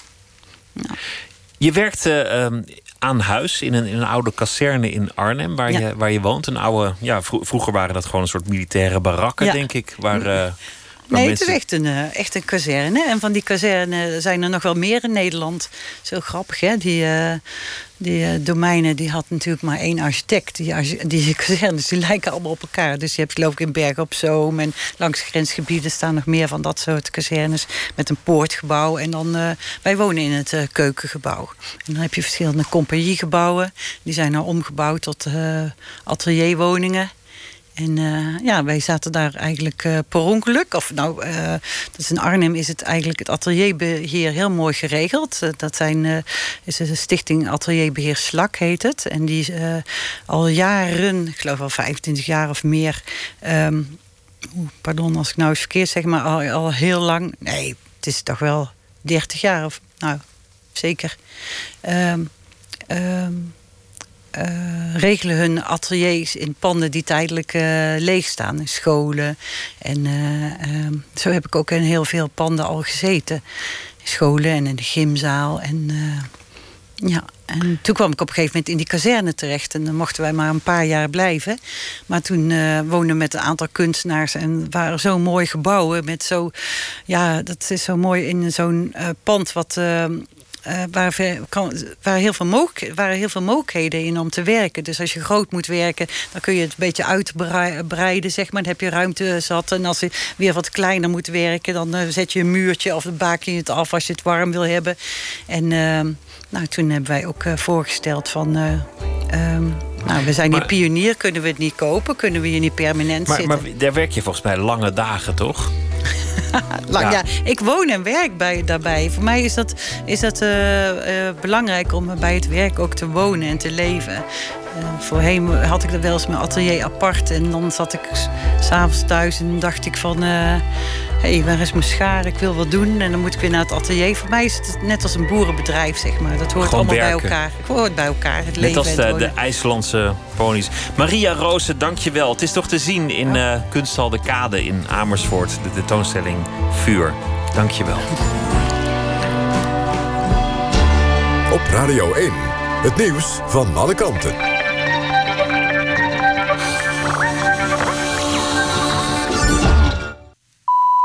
1 uur door Almegens met het NOS-journaal. De Spaanse regering beschouwt de toespraak van de Catalaanse president Puigdemont als een onafhankelijkheidsverklaring. Hij sprak de onafhankelijkheid gisteravond weliswaar niet uit... maar zei wel dat Catalonië op korte termijn zelfstandig moet worden. De komende weken wil hij daarover met Madrid gaan onderhandelen. Maar volgens de Spaanse vicepremier is Puigdemont niet in de positie... om onderhandelingen af te dwingen. Madrid heeft na de toespraak gepaste maatregelen aangekondigd... Welke dat zijn, wordt de komende middag duidelijk... als premier Rajoy het Spaanse parlement toespreekt. Amerika heeft een beloning van miljoenen dollars uitgeloofd... voor tips over de verblijfplaats van twee Hezbollah-leiders. Volgens Washington heeft de door Iran gesteunde terreurbeweging plannen... voor aanslagen op Amerikaans grondgebied. Daarom maken de Amerikanen gericht jacht op de twee leiders. Een van hen staat bekend als coördinator van aanslagen buiten Libanon. De ander zou een grote rol hebben gespeeld bij een aanslag in 1983 in Beirut. Daarbij kwamen toen 220 Amerikaanse mariniers en 58 Franse militairen om het leven. De politie heeft een van de oprichters van motorclub Satudara... op de nationale opsporingslijst gezet. Het is Michael de Boer. Hij wordt gezocht vanwege het leiden van een criminele organisatie... die zich bezighoudt met wapen- en drugshandel, geweld en afpersing. Bij invallen in Satudara clubhuizen twee weken geleden... werden drie landelijke kopstukken van de motorclub opgepakt. De Boer is sindsdien voortvluchtig. Het Nederlands elftal is definitief uitgeschakeld voor het WK in Rusland volgend jaar. Oranje won afgelopen avond in Amsterdam met 2-0 van Zweden... maar moest met minimaal zeven doelpunten verschil winnen... om nog kans te maken op kwalificatie. Aanvoerder Arjen Robben scoorde beide doelpunten in de eerste helft... waarvan eentje uit een strafschop. Hij bevestigde na de wedstrijd dat hij afscheid neemt van het Nederlands elftal. Het weer vannacht bewolkt en wat regen. Overdag verandert er niet veel, al kan af en toe de zon even doorbreken. Temperatuur ligt overdag rond 17 graden. Vanaf donderdag droger en zonniger. Dit was het NOS Journaal. NPO Radio 1. VPRO. Nooit meer slapen.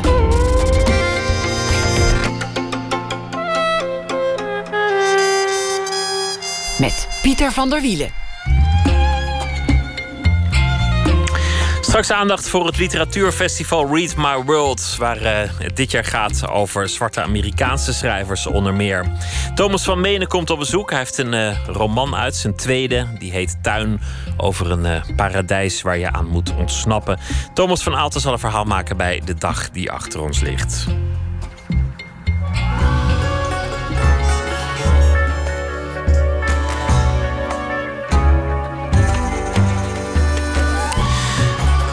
Later uh, vandaag, want uh, vandaag is uh, al een beetje morgen geworden, zal de Frankfurter Boegmesse opengaan. De grootste boekenbeurs ter wereld. Mensen uit alle hoeken van de wereld komen daar bij elkaar die iets met literatuur van doen hebben. Op zoek naar titels die ze kunnen vertalen, kopen, rechten, etc. Er is ook een, een fellowship van 16 redacteuren uit de hele wereld. Een daarvan is Lisanne Matthijssen en zij is redacteur bij HarperCollins. Goeienacht. Goeienacht. Ja, de Frankfurter Boegmesse. Groot, uh, groot spektakel, reusachtige bijeenkomst van uh, de literaire wereld. Wat, uh, wat staat er dit jaar allemaal te gebeuren voor jou? nou, ten eerste, ik, ik ben dus iemand die um, boeken aankoopt, manuscripten aankoopt, vertaalrechten daarop, om het in het Nederlands te vertalen. Um, dus ik heb ten eerste gewoon heel veel afspraken om van uitgeverijen en agenten te horen wat ze in de aanbieding hebben en wat ik dus kan kopen. Um, en uh, Frankrijk is gastland, dus er zal een grote nadruk liggen op Frankrijk. Um, en uh, voor de rest uh, kijken we wat voor manuscripten er zijn die we misschien naar Nederland kunnen brengen. En daar zou zomaar een, een, grote hit tussen kunnen zitten of een, of een grote klassieker voor de, de oplettende redacteuren en uitgevers. Ja, dat hoop je dan. Ja, dat is waar wij allemaal naar zoeken natuurlijk. We zijn allemaal op zoek naar dat ene manuscript dat uh, een bestseller gaat worden. Zoals uh, 50 Tinten Grijs. Dat was financieel dan een, uh, een groot succes voor, voor Prometheus. Ja, bijvoorbeeld. Ja, zeker, bijvoorbeeld. dan is er dit jaar ook sprake van een, een, een, fellowship van 16 redacteuren uit de hele wereld. Wat is dat voor fellowship? ja, dat is georganiseerd door de organisatie achter de boegmessen. En uh, die nodigen 16 mensen vanuit de hele wereld uit om kennis te maken met de Duitse uitgeefwereld. Um, dus wij uh, zijn um, uh, uitgenodigd om een trip te maken door Duitsland... langs allerlei uitgeverijen, agentschappen, culturele instellingen... mensen die literaire evenementen organiseren... om te zien of we daar iets van kunnen leren. En ook om van elkaar te leren... Uh, en het is een, een, grote eer om daar mee te mogen doen. Mensen uit alle hoeken van de wereld die, die van elkaar leren. Hoe, hoe werkt het bij jullie? Wat is bij jullie een bestseller? Wat voor getallen heb je het dan eigenlijk over? Uh, allemaal dat soort gesprekken kan ik me voorstellen. Ja, ja we zijn begonnen met elkaar uh, een presentatie te geven over onze markt. Dus um, hoeveel boeken worden er eigenlijk uitgegeven? Um, hoeveel boekhandels hebben jullie? Hoeveel percentage vertalingen en origineel werk hebben jullie? Um, en uh, nou ja, omdat je allemaal mensen vanuit over de hele wereld hebt, is dat heel erg interessant. Ehm, en daarna zijn we vooral gaan leren over de Duitse wereld. Want ze, zij willen natuurlijk uh, graag boeken aan ons verkopen. Maar terugkomend op die bestseller, hè, waar je uiteindelijk toch op, op hoopt. Dan moet je op best weinig informatie afgaan. Je kunt niet al die boeken lezen, niet al die talen kun je zelfs lezen. Dus dan is er één bladzij misschien vertaald of zoiets. En dan moet jij gokken van ja, dit wordt hem. We hebben het. Hoe, hoe doe je dat? Nou, het grappige is, kijk, op de beurs, je hebt um, uh, 30 minuten een gesprek met uh, alle afspraken die je hebt. Dus um, in, die tijd uh, pitchen uh, agenten en uitgeverijen, pitchen met misschien twee of drie boeken. Ze vertellen waar het over gaat, wat voor publiek het kan bereiken en of het voor hen veel gedaan heeft of niet. Um, en in die 30 minuten moet je bedenken wat je wil, wat je wil gaan lezen. Dus je hoeft niet in die 30 minuten meteen te bedenken, oké, ik koop het, hier ligt geld op tafel. Maar je kunt het wel aanvragen om te gaan lezen. Um, en heel veel van de business is ook al voor de beurs gedaan. We hebben voor de beurs natuurlijk al veel mailtjes gekregen met een godlist van mensen. En um, wat hun grote titel voor de beurs zal zijn. En veel van die titels zijn ook al verkocht voor de beurs. Maar dan heb je het nog, kijk, als het gaat over Duits, Frans of Engels of Spaans, dan, dan kun je dat lezen. Maar, maar ik neem aan dat, dat een Chinees boek, dat dat niet zo makkelijk voor jou is om, om dat te lezen. Klopt. Maar um, we hebben een, uh, een uh, bestand van lezers. Uh, dus mensen die een bepaalde taal goed spreken en ook kennis hebben van de literatuur in dat land. En ik heb voor verschillende talen die ik zelf niet spreek, heb ik een lezer achter de hand die voor mij zou kunnen kijken wat voor stijl het is, waar het boek over gaat. En die maakt dan een rapport voor mij, waar ik uit kan opmaken of het iets voor ons is of niet. Een spannende bijeenkomst uh, elk jaar weer in uh, Frankfurt, waar de Frankfurter uh, Boegmessen later vandaag zal openen. Heel veel succes met je fellowship en de zoektocht naar de grote bestseller. Lisanne Matthijssen, dank je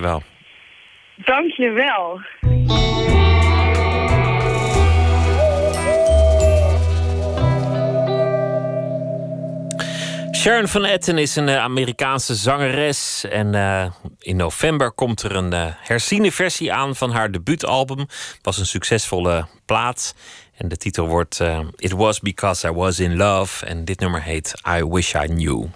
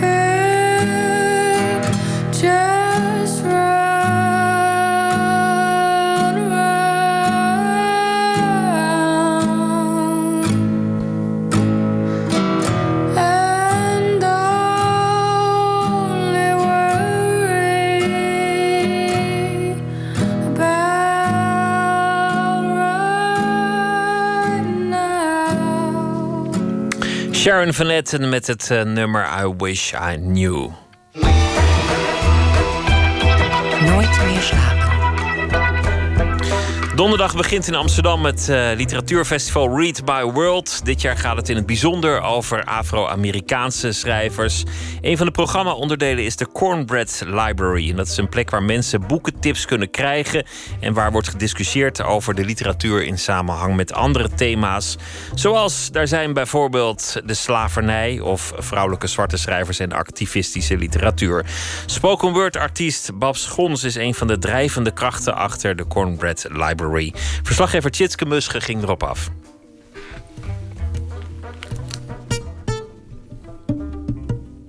Miss Toni Morrison.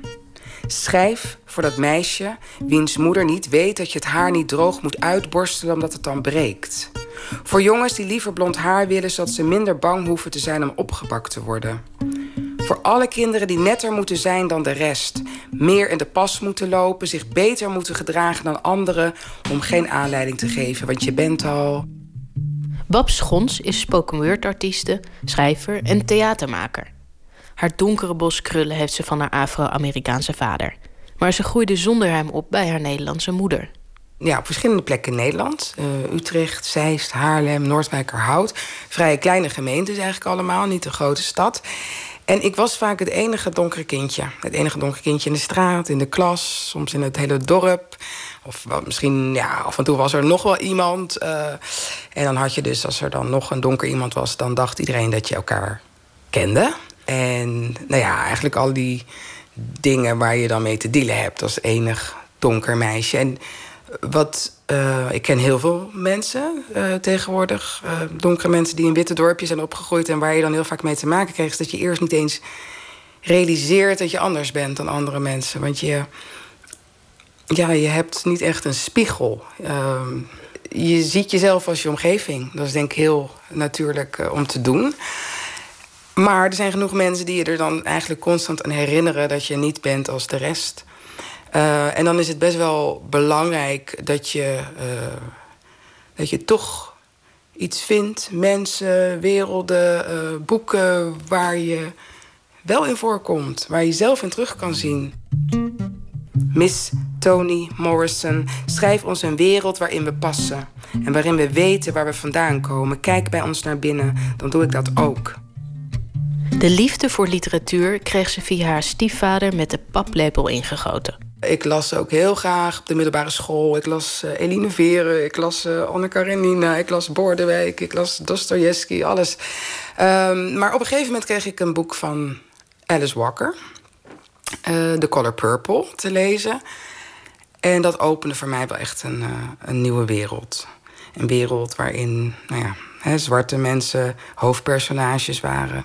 En ik voelde gewoon dat dat ook ging over mijn geschiedenis. The Color Purple speelt zich af in het landelijke Georgia en vertelt over de slechte levensomstandigheden van zwarte vrouwen in de jaren 30 in het zuiden van de Verenigde Staten.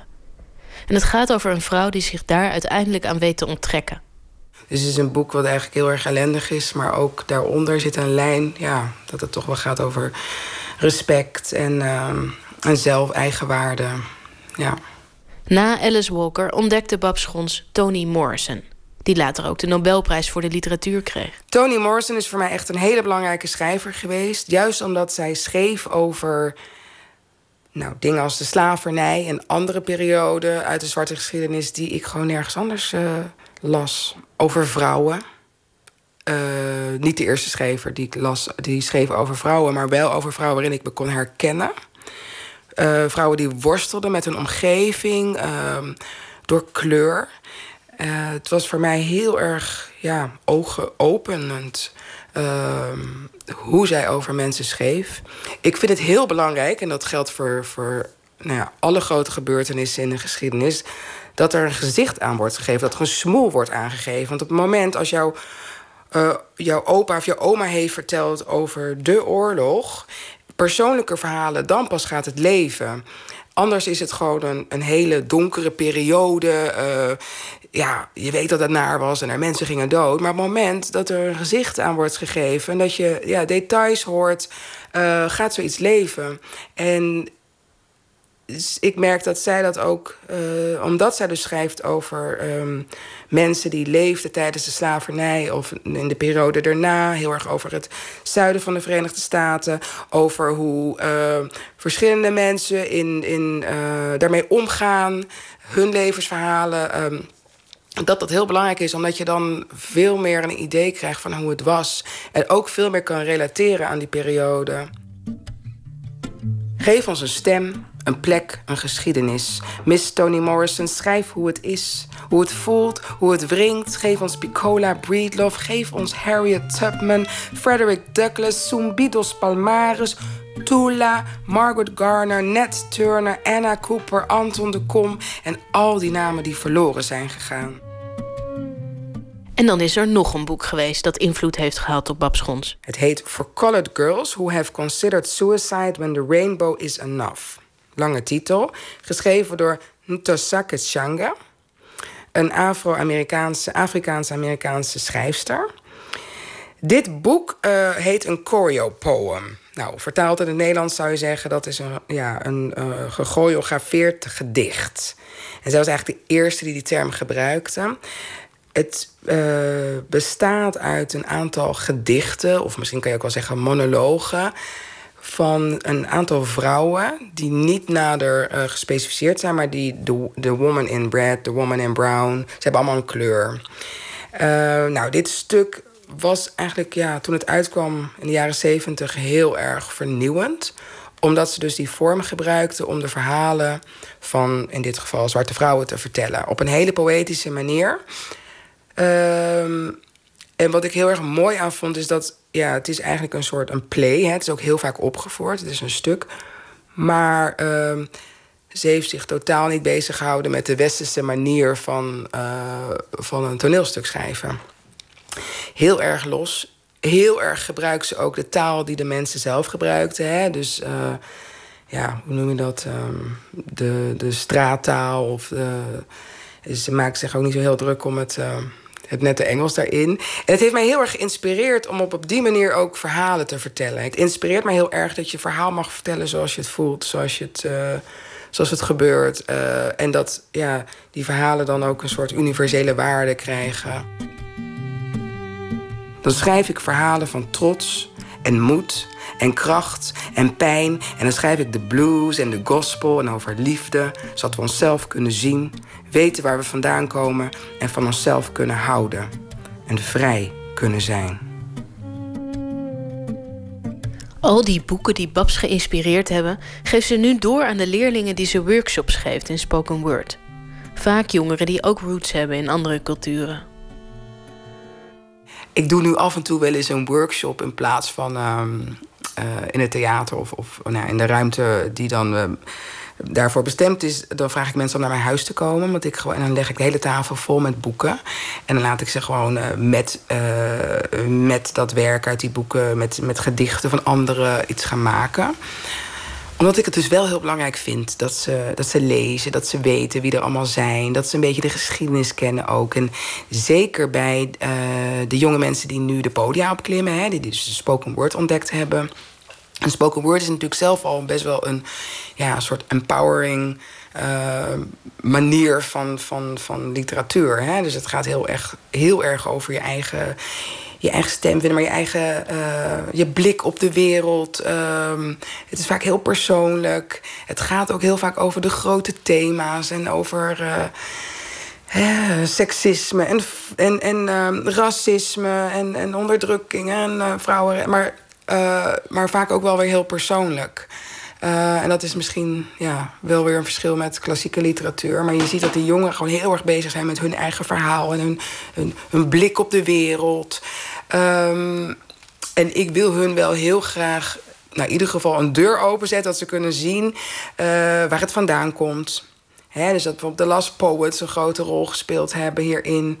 Maar ook ja, de hip-hop, maar ook uh, de Harlem uh, Renaissance. Heel, uh, maar ook de, de, de troubadours en de barden vroeger. En dat, nou ja, er zijn ook best wel veel jongeren die een Arabische achtergrond hebben. waarin de poëzie heel belangrijk is. Op een hele andere manier eigenlijk wordt beleefd dan hier. En dat ze daar ook aansluiting bij kunnen vinden. Dat ze gewoon weten wie er allemaal zijn en wat voor boeken er zijn. En En dan zit hier soms iemand en denk ik van ja, jij schrijft zo in een bepaalde stijl. Je zou eens moeten, je zou eens naar Sonja Sanchez moeten kijken. Of je zou eens Langston Hughes moeten lezen. Of, um, of Jules Deelder. Of weet je. Dus ik, ja, ik maak er wel een beetje een missie van om mensen aan boeken te koppelen. Laat ik het zo zeggen. Of aan schrijvers. Ja. En dat is eigenlijk wat je nu in de Cornbread Library ook weer gaat doen. Ja, zeker. Ja.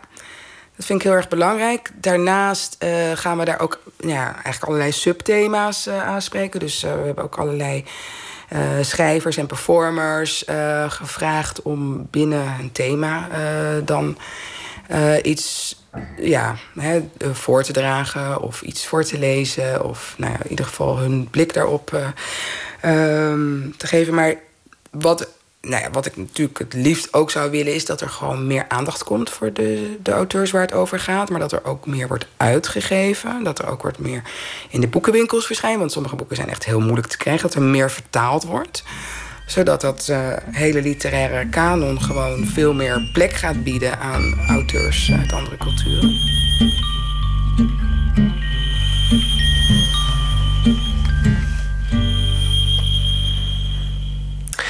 Bab Schons, uh, spoken word artiest in gesprek met Tjitske Musche. De Cornbread Library is op vrijdag en zaterdag te bezoeken in Amsterdam met de Tolhuistuin met uh, optredens, lezingen en uh, meer van dat soort dingen. Read My World heet het festival en ze hebben ook een, een website readmyworld.org. We gaan luisteren naar Odette. Ze is piepjong, 19 en ze komt uit Australië. En dit is haar eerste single, Watch Me Read You.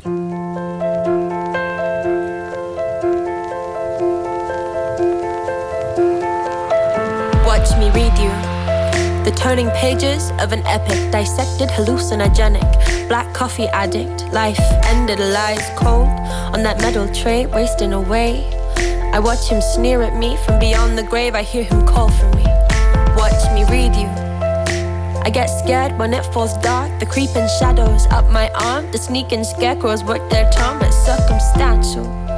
The way I blink when you get mad, feel disarmed when you get sad, but turn to run when we fall back on old behaviors. When the flavor turns from sweet to sour, that's the hour that I seek the heavy hearts and tired retreats with words of hatred. Watch it seep through skin like sap through bark. I cower in the dark till your return. When will I learn? We never wanted to be more than just a silhouette. Breathing the smoke from others' miles and lying in the dirt. So make a promise, but then later we can just forget. It's hard to let your breath out when you to holding it. She'll go, oh, cut her through the window. Oh, it's her, oh, maybe it's a shadow. You never wanted to be more than just a silhouette. But when you cry, the light reflects, and I see you again the beautiful colors of the people's faces and the way they sat on top of those necks. Watch me read you.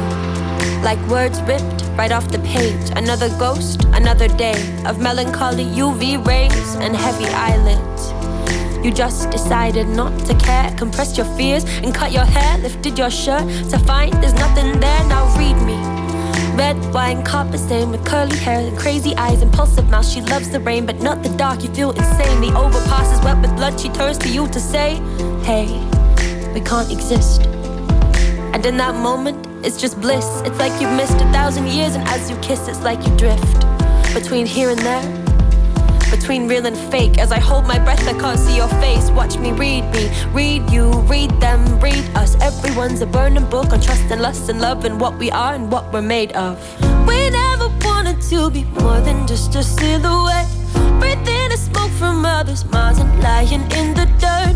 So make a promise, but then later we can just forget. It's hard to let your breath out when you're used to holding it.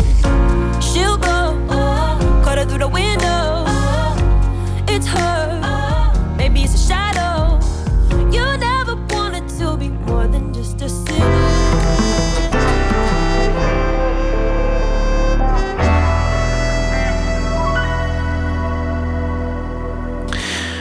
150 vragen in een bak en de rubriek heet Open Kaart. De gast trekt zelf zijn vragen. Theatermaker en schrijver Vincent van Menen is de gast. In 2012, op 22-jarige leeftijd, won hij een schrijfwedstrijd, Right Now. En uh, daarna ging hij meteen aan het werk als, uh, als schrijver. Zijn debuutroman verscheen vorig jaar, Licht en Geluid. En onlangs verscheen zijn nieuwste boek, Tuin. En hij heeft ook een uh, studie gedaan aan het Conservatorium van Antwerpen. Vincent van Menen, hartelijk welkom. Dank je. je. Je wilde ook economie studeren aanvankelijk. Toen werd het toch conservatorium. En, en ineens was daar dat schrijven. Het, het leek in, aan het begin van je werkende leven een beetje heen en weer te, te slingeren. Ja, ik heb, ik heb nooit goed nagedacht over wat ik wilde worden. Um, en ik dacht, als ik maar gewoon doe wat mijn ouders doen, dan, uh, dan loopt het wel los. Maar na een paar weken uh, in de economische richting kreeg ik wel door dat, uh, dat dat niks voor mij was. Een verkeerde keuze eigenlijk. Gewoon een verkeerde keuze. Nu, ik heb dat jaar wel uh, helemaal afgemaakt. Um, dus ik kan wel ondertussen een beetje boekhouden en zo. Het komt wel van pas hoor. Boekhouden is altijd handig. Dat, dat is een vaardigheid die velen missen. Daarna conservatorium. Welk, welk instrument bespeelde je? Ja, dat is een beetje een misverstand. Um, in België studeer je ook drama aan het conservatorium. Um, dus dat wil zeggen dat ik eigenlijk woordkunst heb gestudeerd daar. Um, Niet dus muziek, maar gewoon een soort theateropleiding. Een, uh, een soort theateropleiding die meer gericht is op schrijven, media en uh, op het podium staan. Dus die drie takken eigenlijk alle drie omhelst. Voordat je die, die schrijfwedstrijd won, had je, had je een serieus plan om, om romancier te worden? Um, ja, mensen dromen natuurlijk. Hè. En, uh, en ja, ik ook. Ik droomde ik droomde met veel schroom. Um, maar ik had, ik had het niet verwacht. Ik had het niet verwacht toen ik die wedstrijd won. Ik probeerde wel uit alle macht verhalen te schrijven en gedichten te schrijven. En ik hoopte maar dat er een keer een dag iets goed uit, uitkwam. Um, en ik heb toen geluk gehad. En dan als zo'n zo'n pijl um, door de grote poort naar binnen mogen wandelen. Dat was wel fijn.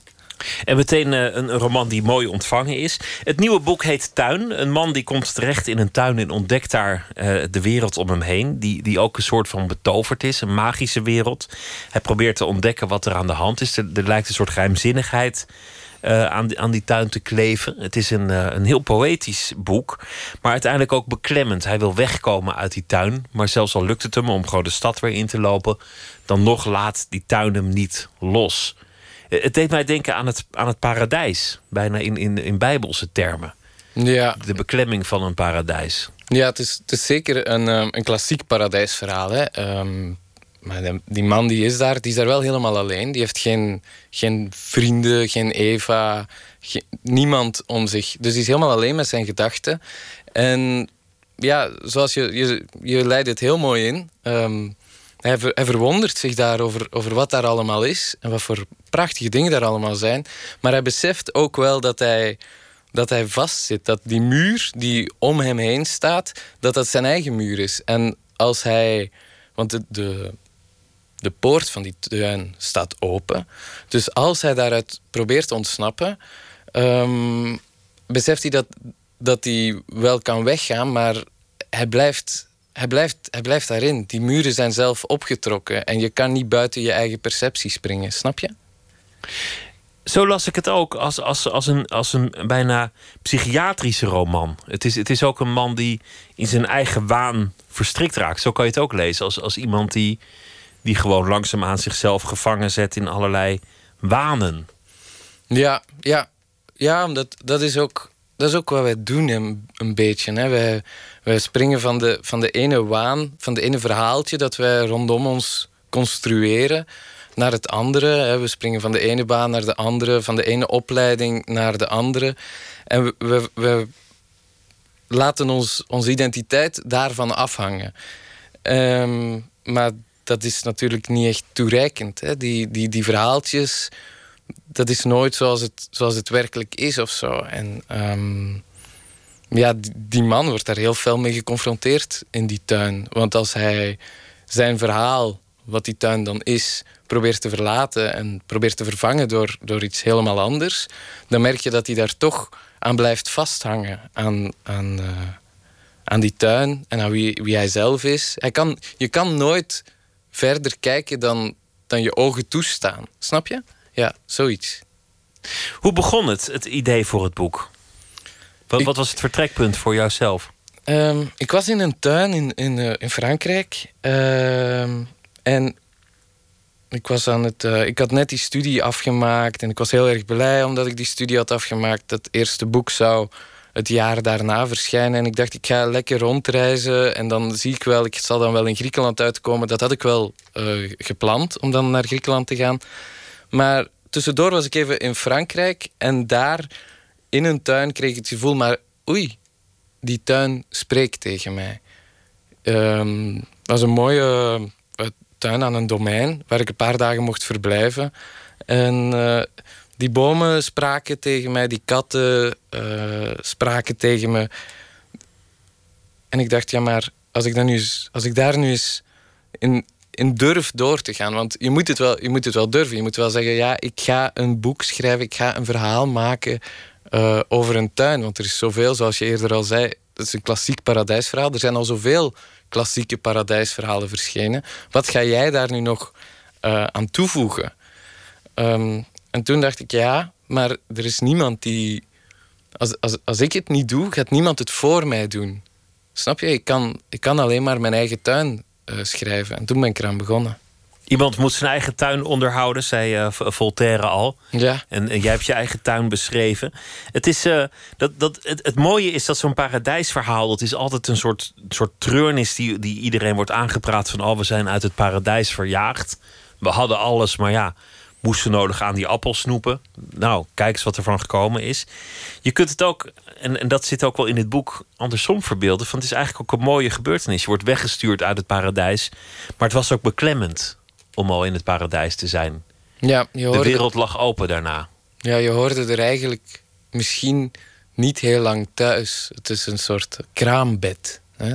Um, dat is ook een soort paradijs. Ja, ja een, of, een, of een nursery. Dat, dat zeggen de, de, de monniken zeggen dat in, in, uh, in het oosten die als mensen daar, daar naartoe gaan om op stilte meditatie te komen of op retraite, of die zeggen van ja, maar dit is, je, moet terug, je moet terug de wereld in. Het is heel belangrijk dat je terug de wereld in gaat, want um, dit is niet meer dan, dan een plek waar je heel even tot jezelf kan komen, maar daarna moet, moet je het in je dagelijks leven doen met je, met je mensen, met de mensen om je heen en met je relaties. En um, moet je zien dat je daarbuiten eigenlijk je, je tuin kan, kan voortzetten. Je jeugd is misschien ook zo'n paradijs dat je moet verlaten voor Precies, sommigen. Ja, een soort Arcadië. Ja. ja. Zullen we beginnen met uh, de, de, kaarten? Hier, ja. hier zijn ze. Ik wil je vragen om, uh, om er een te trekken. Oei. Uh, moet ik dit voorlezen? Ja, graag. Ja. Op welke vraag had je eigenlijk gehoopt? Um, ja, ik, ik, ik had niet op een, op een vraag gehoopt. We zijn ook net begonnen. We, we kunnen Ja. hem even opzij leggen. Ja. Kijken of er... Of er nog eh, een andere vraag is. Welk werk is nog niet af? Ja, ehm, ik ben nu eigenlijk aan een opera aan het werken. Ehm, ik maak een, eh, een, een opera, een Nederlandse opera-theaterbewerking van Macbeth, die, ehm, die een opera heeft gemaakt in, eh, in het Italiaans. Uh, nee, wacht, Macbeth heeft geen opera gemaakt, sorry hoor. Het is een uh, operabewerking van Verdi's Macbeth, die oorspronkelijk naar Shakespeare is. Dus Verdi heeft aan Piave, een Italiaanse librettist, gevraagd om Macbeth van Shakespeare te bewerken voor opera in het Italiaans. En van die opera, van dat libretto, maak ik nu een Nederlandstalige bewerking. Dat klinkt als een, een flink karwei. Dat is een flink karwei. Ik weet niet hoe het moet. Uh, ik, ze hebben me dat gevraagd. Mijn ego was heel erg gestreeld. Uh, maar uh, ik had... Ik, ik, ik, ik, weet, ik weet niet goed hoe opera werkt. En um, ik wist dat niet. Ik ben dat nu langzaam aan het leren. En dat, is, dat, is niet, dat is niet eenvoudig. Um, vooral omdat die, die thematiek heel donker is. En er zich je eigenlijk voortdurend voor de vraag stelt van wat is het kwaad? Wat, wat is, hoe ver ga jij in jouw eigen ambitie? Twee, verschillende, twee totaal verschillende vragen al. Omdat je, ja, je moet je bezighouden met, met goed en kwaad. Maar je moet je ook bezighouden met hoe ver wil ik gaan om te bereiken wat ik denk dat ik moet bereiken.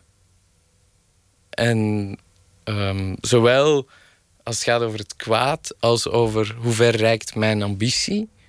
Ja, dat zijn dingen waar, je, waar ik nog, nog heel uh, ja, over glad ijs aan het, uh, aan het bewegen ben. En waar je ook nog niet uit bent voor jezelf. Nee, nog lang niet. Laten we nog een vraag Ja. doen. Ben je wel eens in therapie geweest? Jazeker.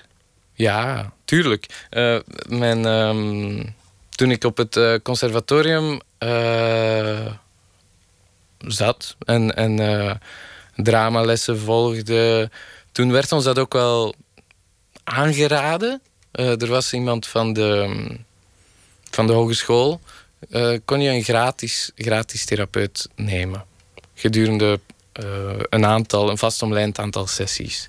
En dan, dan, eh, daar heb ik veel uitgehaald. Ik zou dat iedereen ook aanraden. Maar zeker als je gaat schrijven en theater gaat maken, is het natuurlijk goed om je eigen psychologie ook te verkennen. Ja, ja je, je zei het daarnet al, je eigen verloren paradijs. En nou, dat is het ook. Hè. Je beseft dan op een bepaald moment, als je opgroeit, besef je ook van ja, dat die tuin, dat paradijs waarvan ik dacht dat ik er, zou, dat ik er was in opgegroeid, die was misschien eigenlijk helemaal niet zo paradijselijk. Daar waren heel veel dingen mis. Ehm, en, helemaal niet zoals dat bij andere mensen of bij andere gezinnen als normaal wordt, wordt beschouwd. Dat was wel best heftig. Dat was niet allemaal juist wat daar, wat daar allemaal gebeurde. Nu, dat geldt niet voor iedereen. ehm, maar eh, voor een pak mensen wel. Maar dat is vaak een fase, hè? Dat, dat mensen hun eigen jeugd idealiseren of zien als normaal. En pas op een zekere leeftijd erachter komen. Wacht even, dit was helemaal niet normaal. Of zo idyllisch was het allemaal niet. Ja, ja precies. Maar er is toch een fase dat, dat veel mensen hun jeugd als, als mooi willen afschilderen. Omdat het misschien een verwachting is of een patroon of een Ja, comfort. het, het heeft ook te maken met herinneringen natuurlijk. Hè. Kijk, je, je, vandaag opende ik een, eh, bij een vriend een, een potje plasticine. En Zeggen ze dat in Nederland, plasticine? Nee, wat is het precies? Eh, ja, ik- denk Play-Doh is de commerciële naam. Zo'n soort eh, kleiachtige, zachte substantie waar je mee kunt kneden en figuurtjes kan maken. Ja, zo noemen wij dat hier gewoon. Kleiachtige, zachte substantie waar je mee kunt kneden en figuurtjes maken. Ah, echt? Ja, volgens mij is dat het gewoon, ja. Ja. Nou, die. Ja, die, die, die. Dus eh, een, ge- een geel doosje. Prachtig. En eh, ik breng dat naar mijn neus en ik ruik daaraan. Nu, onmiddellijk word je meegesleurd naar, naar eh, je kindertijd op, op, een, op een Proustiaanse wijze bijna. Hè. Eh, de, de Madeleine met de thee en zo.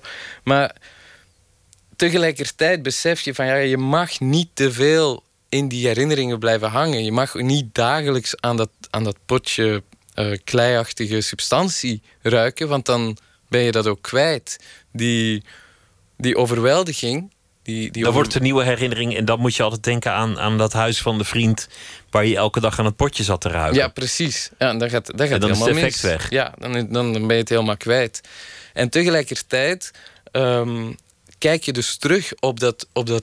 Ruik je dat potje en ja, word je eigenlijk teruggevoerd naar een periode waarin eigenlijk alles nieuw was. Je alles kon gaan ontdekken en bewonderen en mooi vinden of lelijk vinden. Maar ook als, als kind vind je ook wat je lelijk vindt, vind je eigenlijk mooi. Je, we- kennen allemaal kinderen die zo...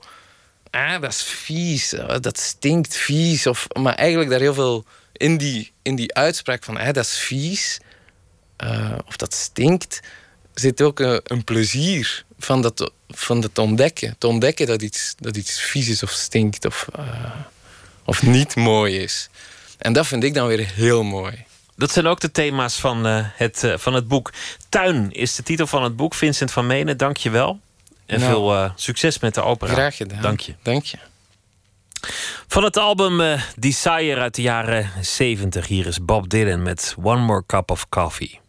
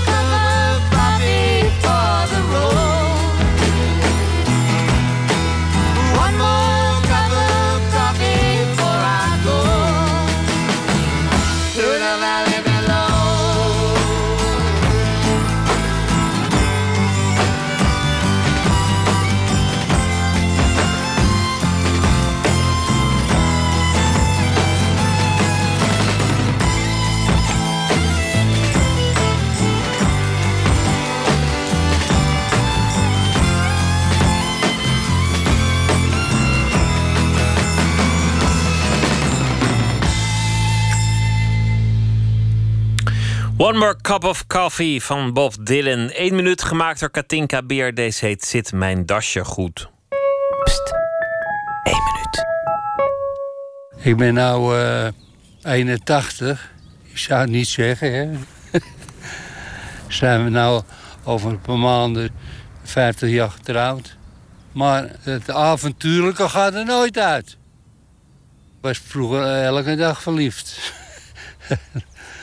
De vrouwen van mijn, van mijn vrienden, die, die werden verliefd op me. En ik was helemaal geen Adonis. Maar ja, je kreeg het mee op een of andere manier. Ik denk, jongens, ik wou dat ze het allemaal zo hadden gehad als ik. Ik heb twee heerlijke dochters. En ze alle twee hebben ze slechte huwelijken gehad. Die ene die, eh, ja, een paar keer getrouwd. Dan was ze met de Oostenrijker en met de Spanjaard. En nou hebben ze twee konijnen in huis. Om dat gat op te vullen. Maar, maar ik had altijd eh, gein in mijn leven. En, en nog kan ik het niet laten. Toen ik jou zo zag staan, zei, jezus. Zou die getrouwd zijn? Zit mijn dasje goed?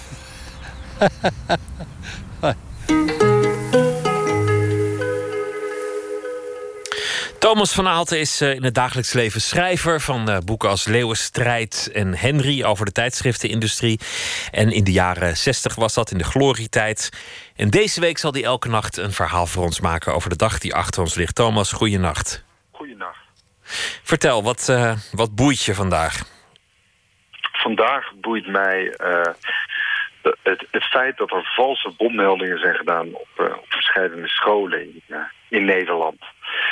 De, bommelding is toch iets dat, eh, nou ja, dat mij in elk geval doet denken aan eh, vervlogen tijden, aan een soort belletje trekken. En ik vind het vooral interessant dat er toch in de pers een melding dan wordt gedaan van een valse bommelding. Dus nou ja, hè, dat, dat, uiteindelijk is het natuurlijk nog steeds een, een eh, bommelding die daadwerkelijk plaatsvindt. Alleen de bom zelf is natuurlijk vals, maar toch ja, is, de, is de zelf zo, zo echt als maar, als maar kan. Dat, dat blijf ik een fascinerend eh, verschijnsel vinden. Ja, maar je hebt dan ook de niet-valse bommelding. Dan, dan, dan zit er ook inderdaad iets met een rood en een blauw draadje... en een, eh, en een opruimer van de explosieve dienst die dan moet kiezen.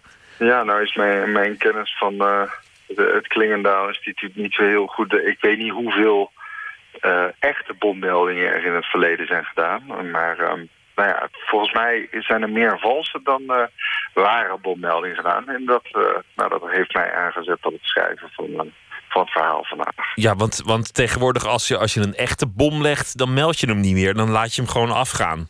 Ja. Dat is, dat is een onbeschaafde vorm van terrorisme. Hm, Ja. Ja, precies. De, de onaangekondigde bom, ja, dan heeft het inderdaad zijn, dan heeft het zijn echte, echte doel, ja. Ga je gang. En dan wil ik nu na het akkoord van de feestcommissie graag naar het volgende agendapunt. En daar heeft Dini volgens mij wat over te vertellen. Dini? Ja, dat klopt. Ik wil het even hebben over het protocol dat we voeren met betrekking tot de bommelding. De aanwezigen van de vergadering zuchten na de woorden van Dini Bullewijd, zorgcoördinator, docent Engels voor de VMBO-T-klasse. Niet weer, mompelde Herman Boelekeiler, docent aardrijkskunde. Daar hebben we vorige week toch al een werksessie aan gewijd. We, zouden we waren het erover eens dat als een bommelding in de onderbouw werd gedaan... we geen actie zouden ondernemen. Als bij de bovenbouw gaat de conciërge over tot briefing aan de conrector. Nee, Herman, dat kun je nu wel zeggen. Die hebt die niet tegen. Maar ik vind toch dat we zorgvuldig met bommelders om moeten gaan. Je kunt ze niet zomaar laten nablijven. Gezien de tijd, sprak rector Wijnand van Dorre. Ik wil de discussie van vorige week niet herhalen. Die niet. Om hoeveel bommeldingen hebben we gemiddeld genomen. Nou, ik heb hier een staartje bijgehouden in Excel.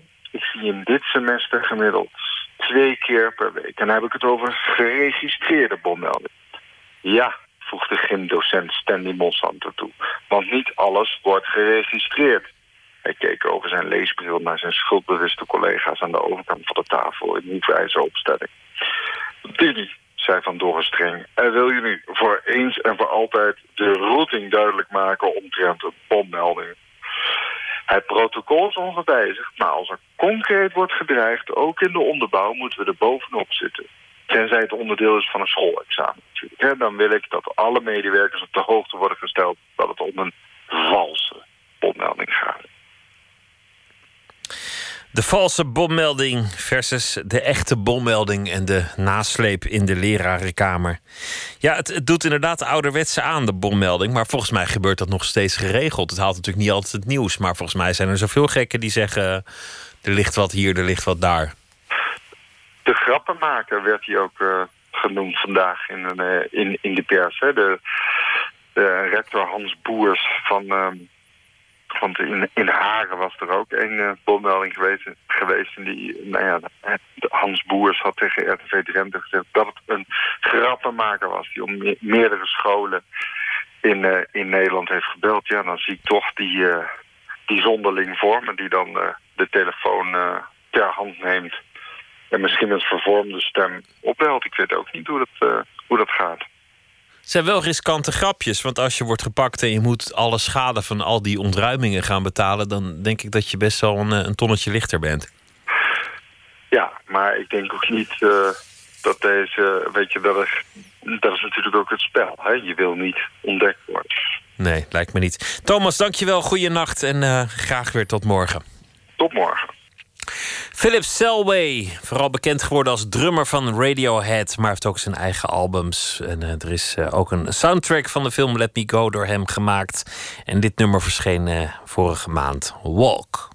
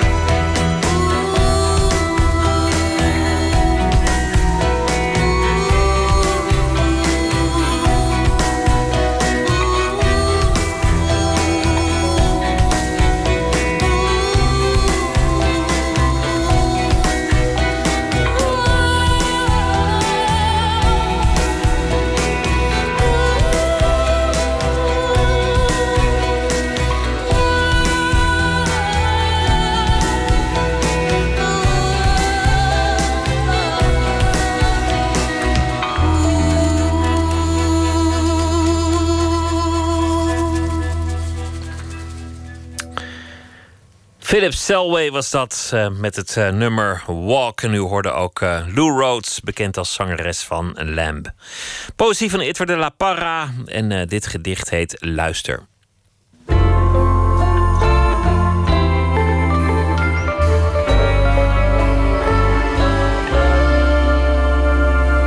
Luister. Wat wekt mij deze nacht? Hulst en brem zijn niet te onderscheiden.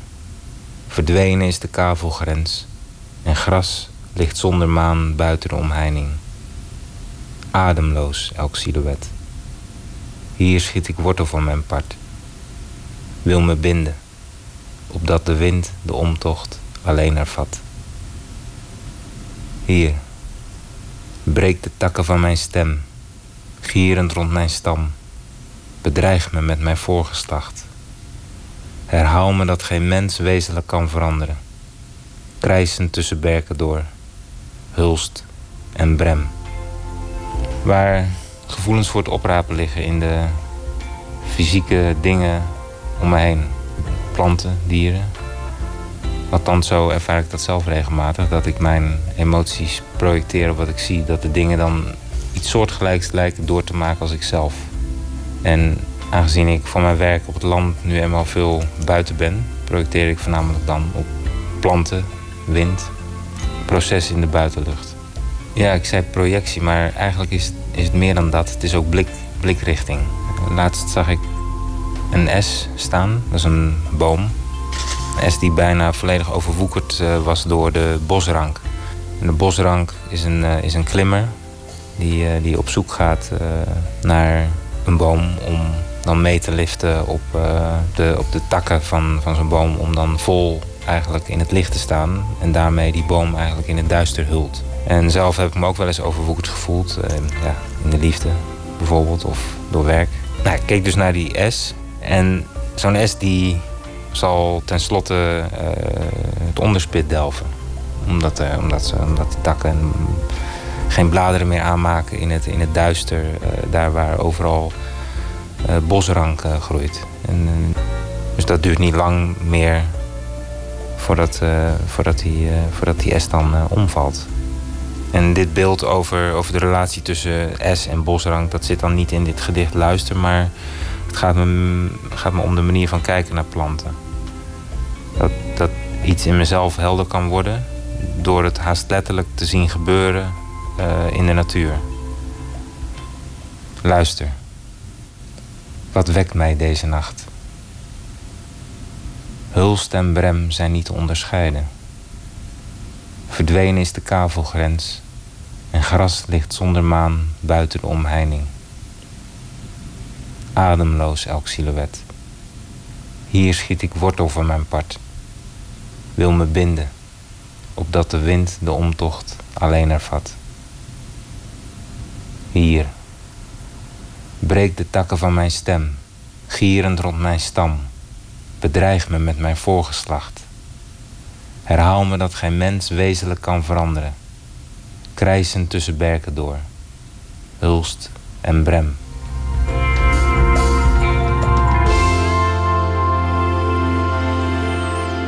Het gedicht Luister maar van Itter de la Parra. Morgen komt Wim Daniels op bezoek. Hij is Neerlandicus, was jarenlang leraar Nederlands en Duits. Inmiddels is hij al een tijdje schrijver. En hij heeft een nieuw boek, De Lagere School. En dat gaat over de geschiedenis en het wel en wee en alle belevenissen op de lagere school in de 20e eeuw. Dat allemaal morgen in Nooit meer slapen.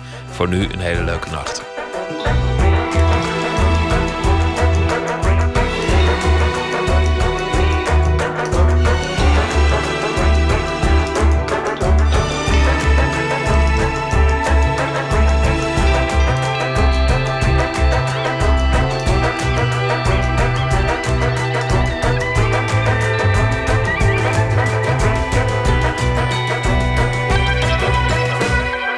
Radio 1. Het nieuws van alle kanten.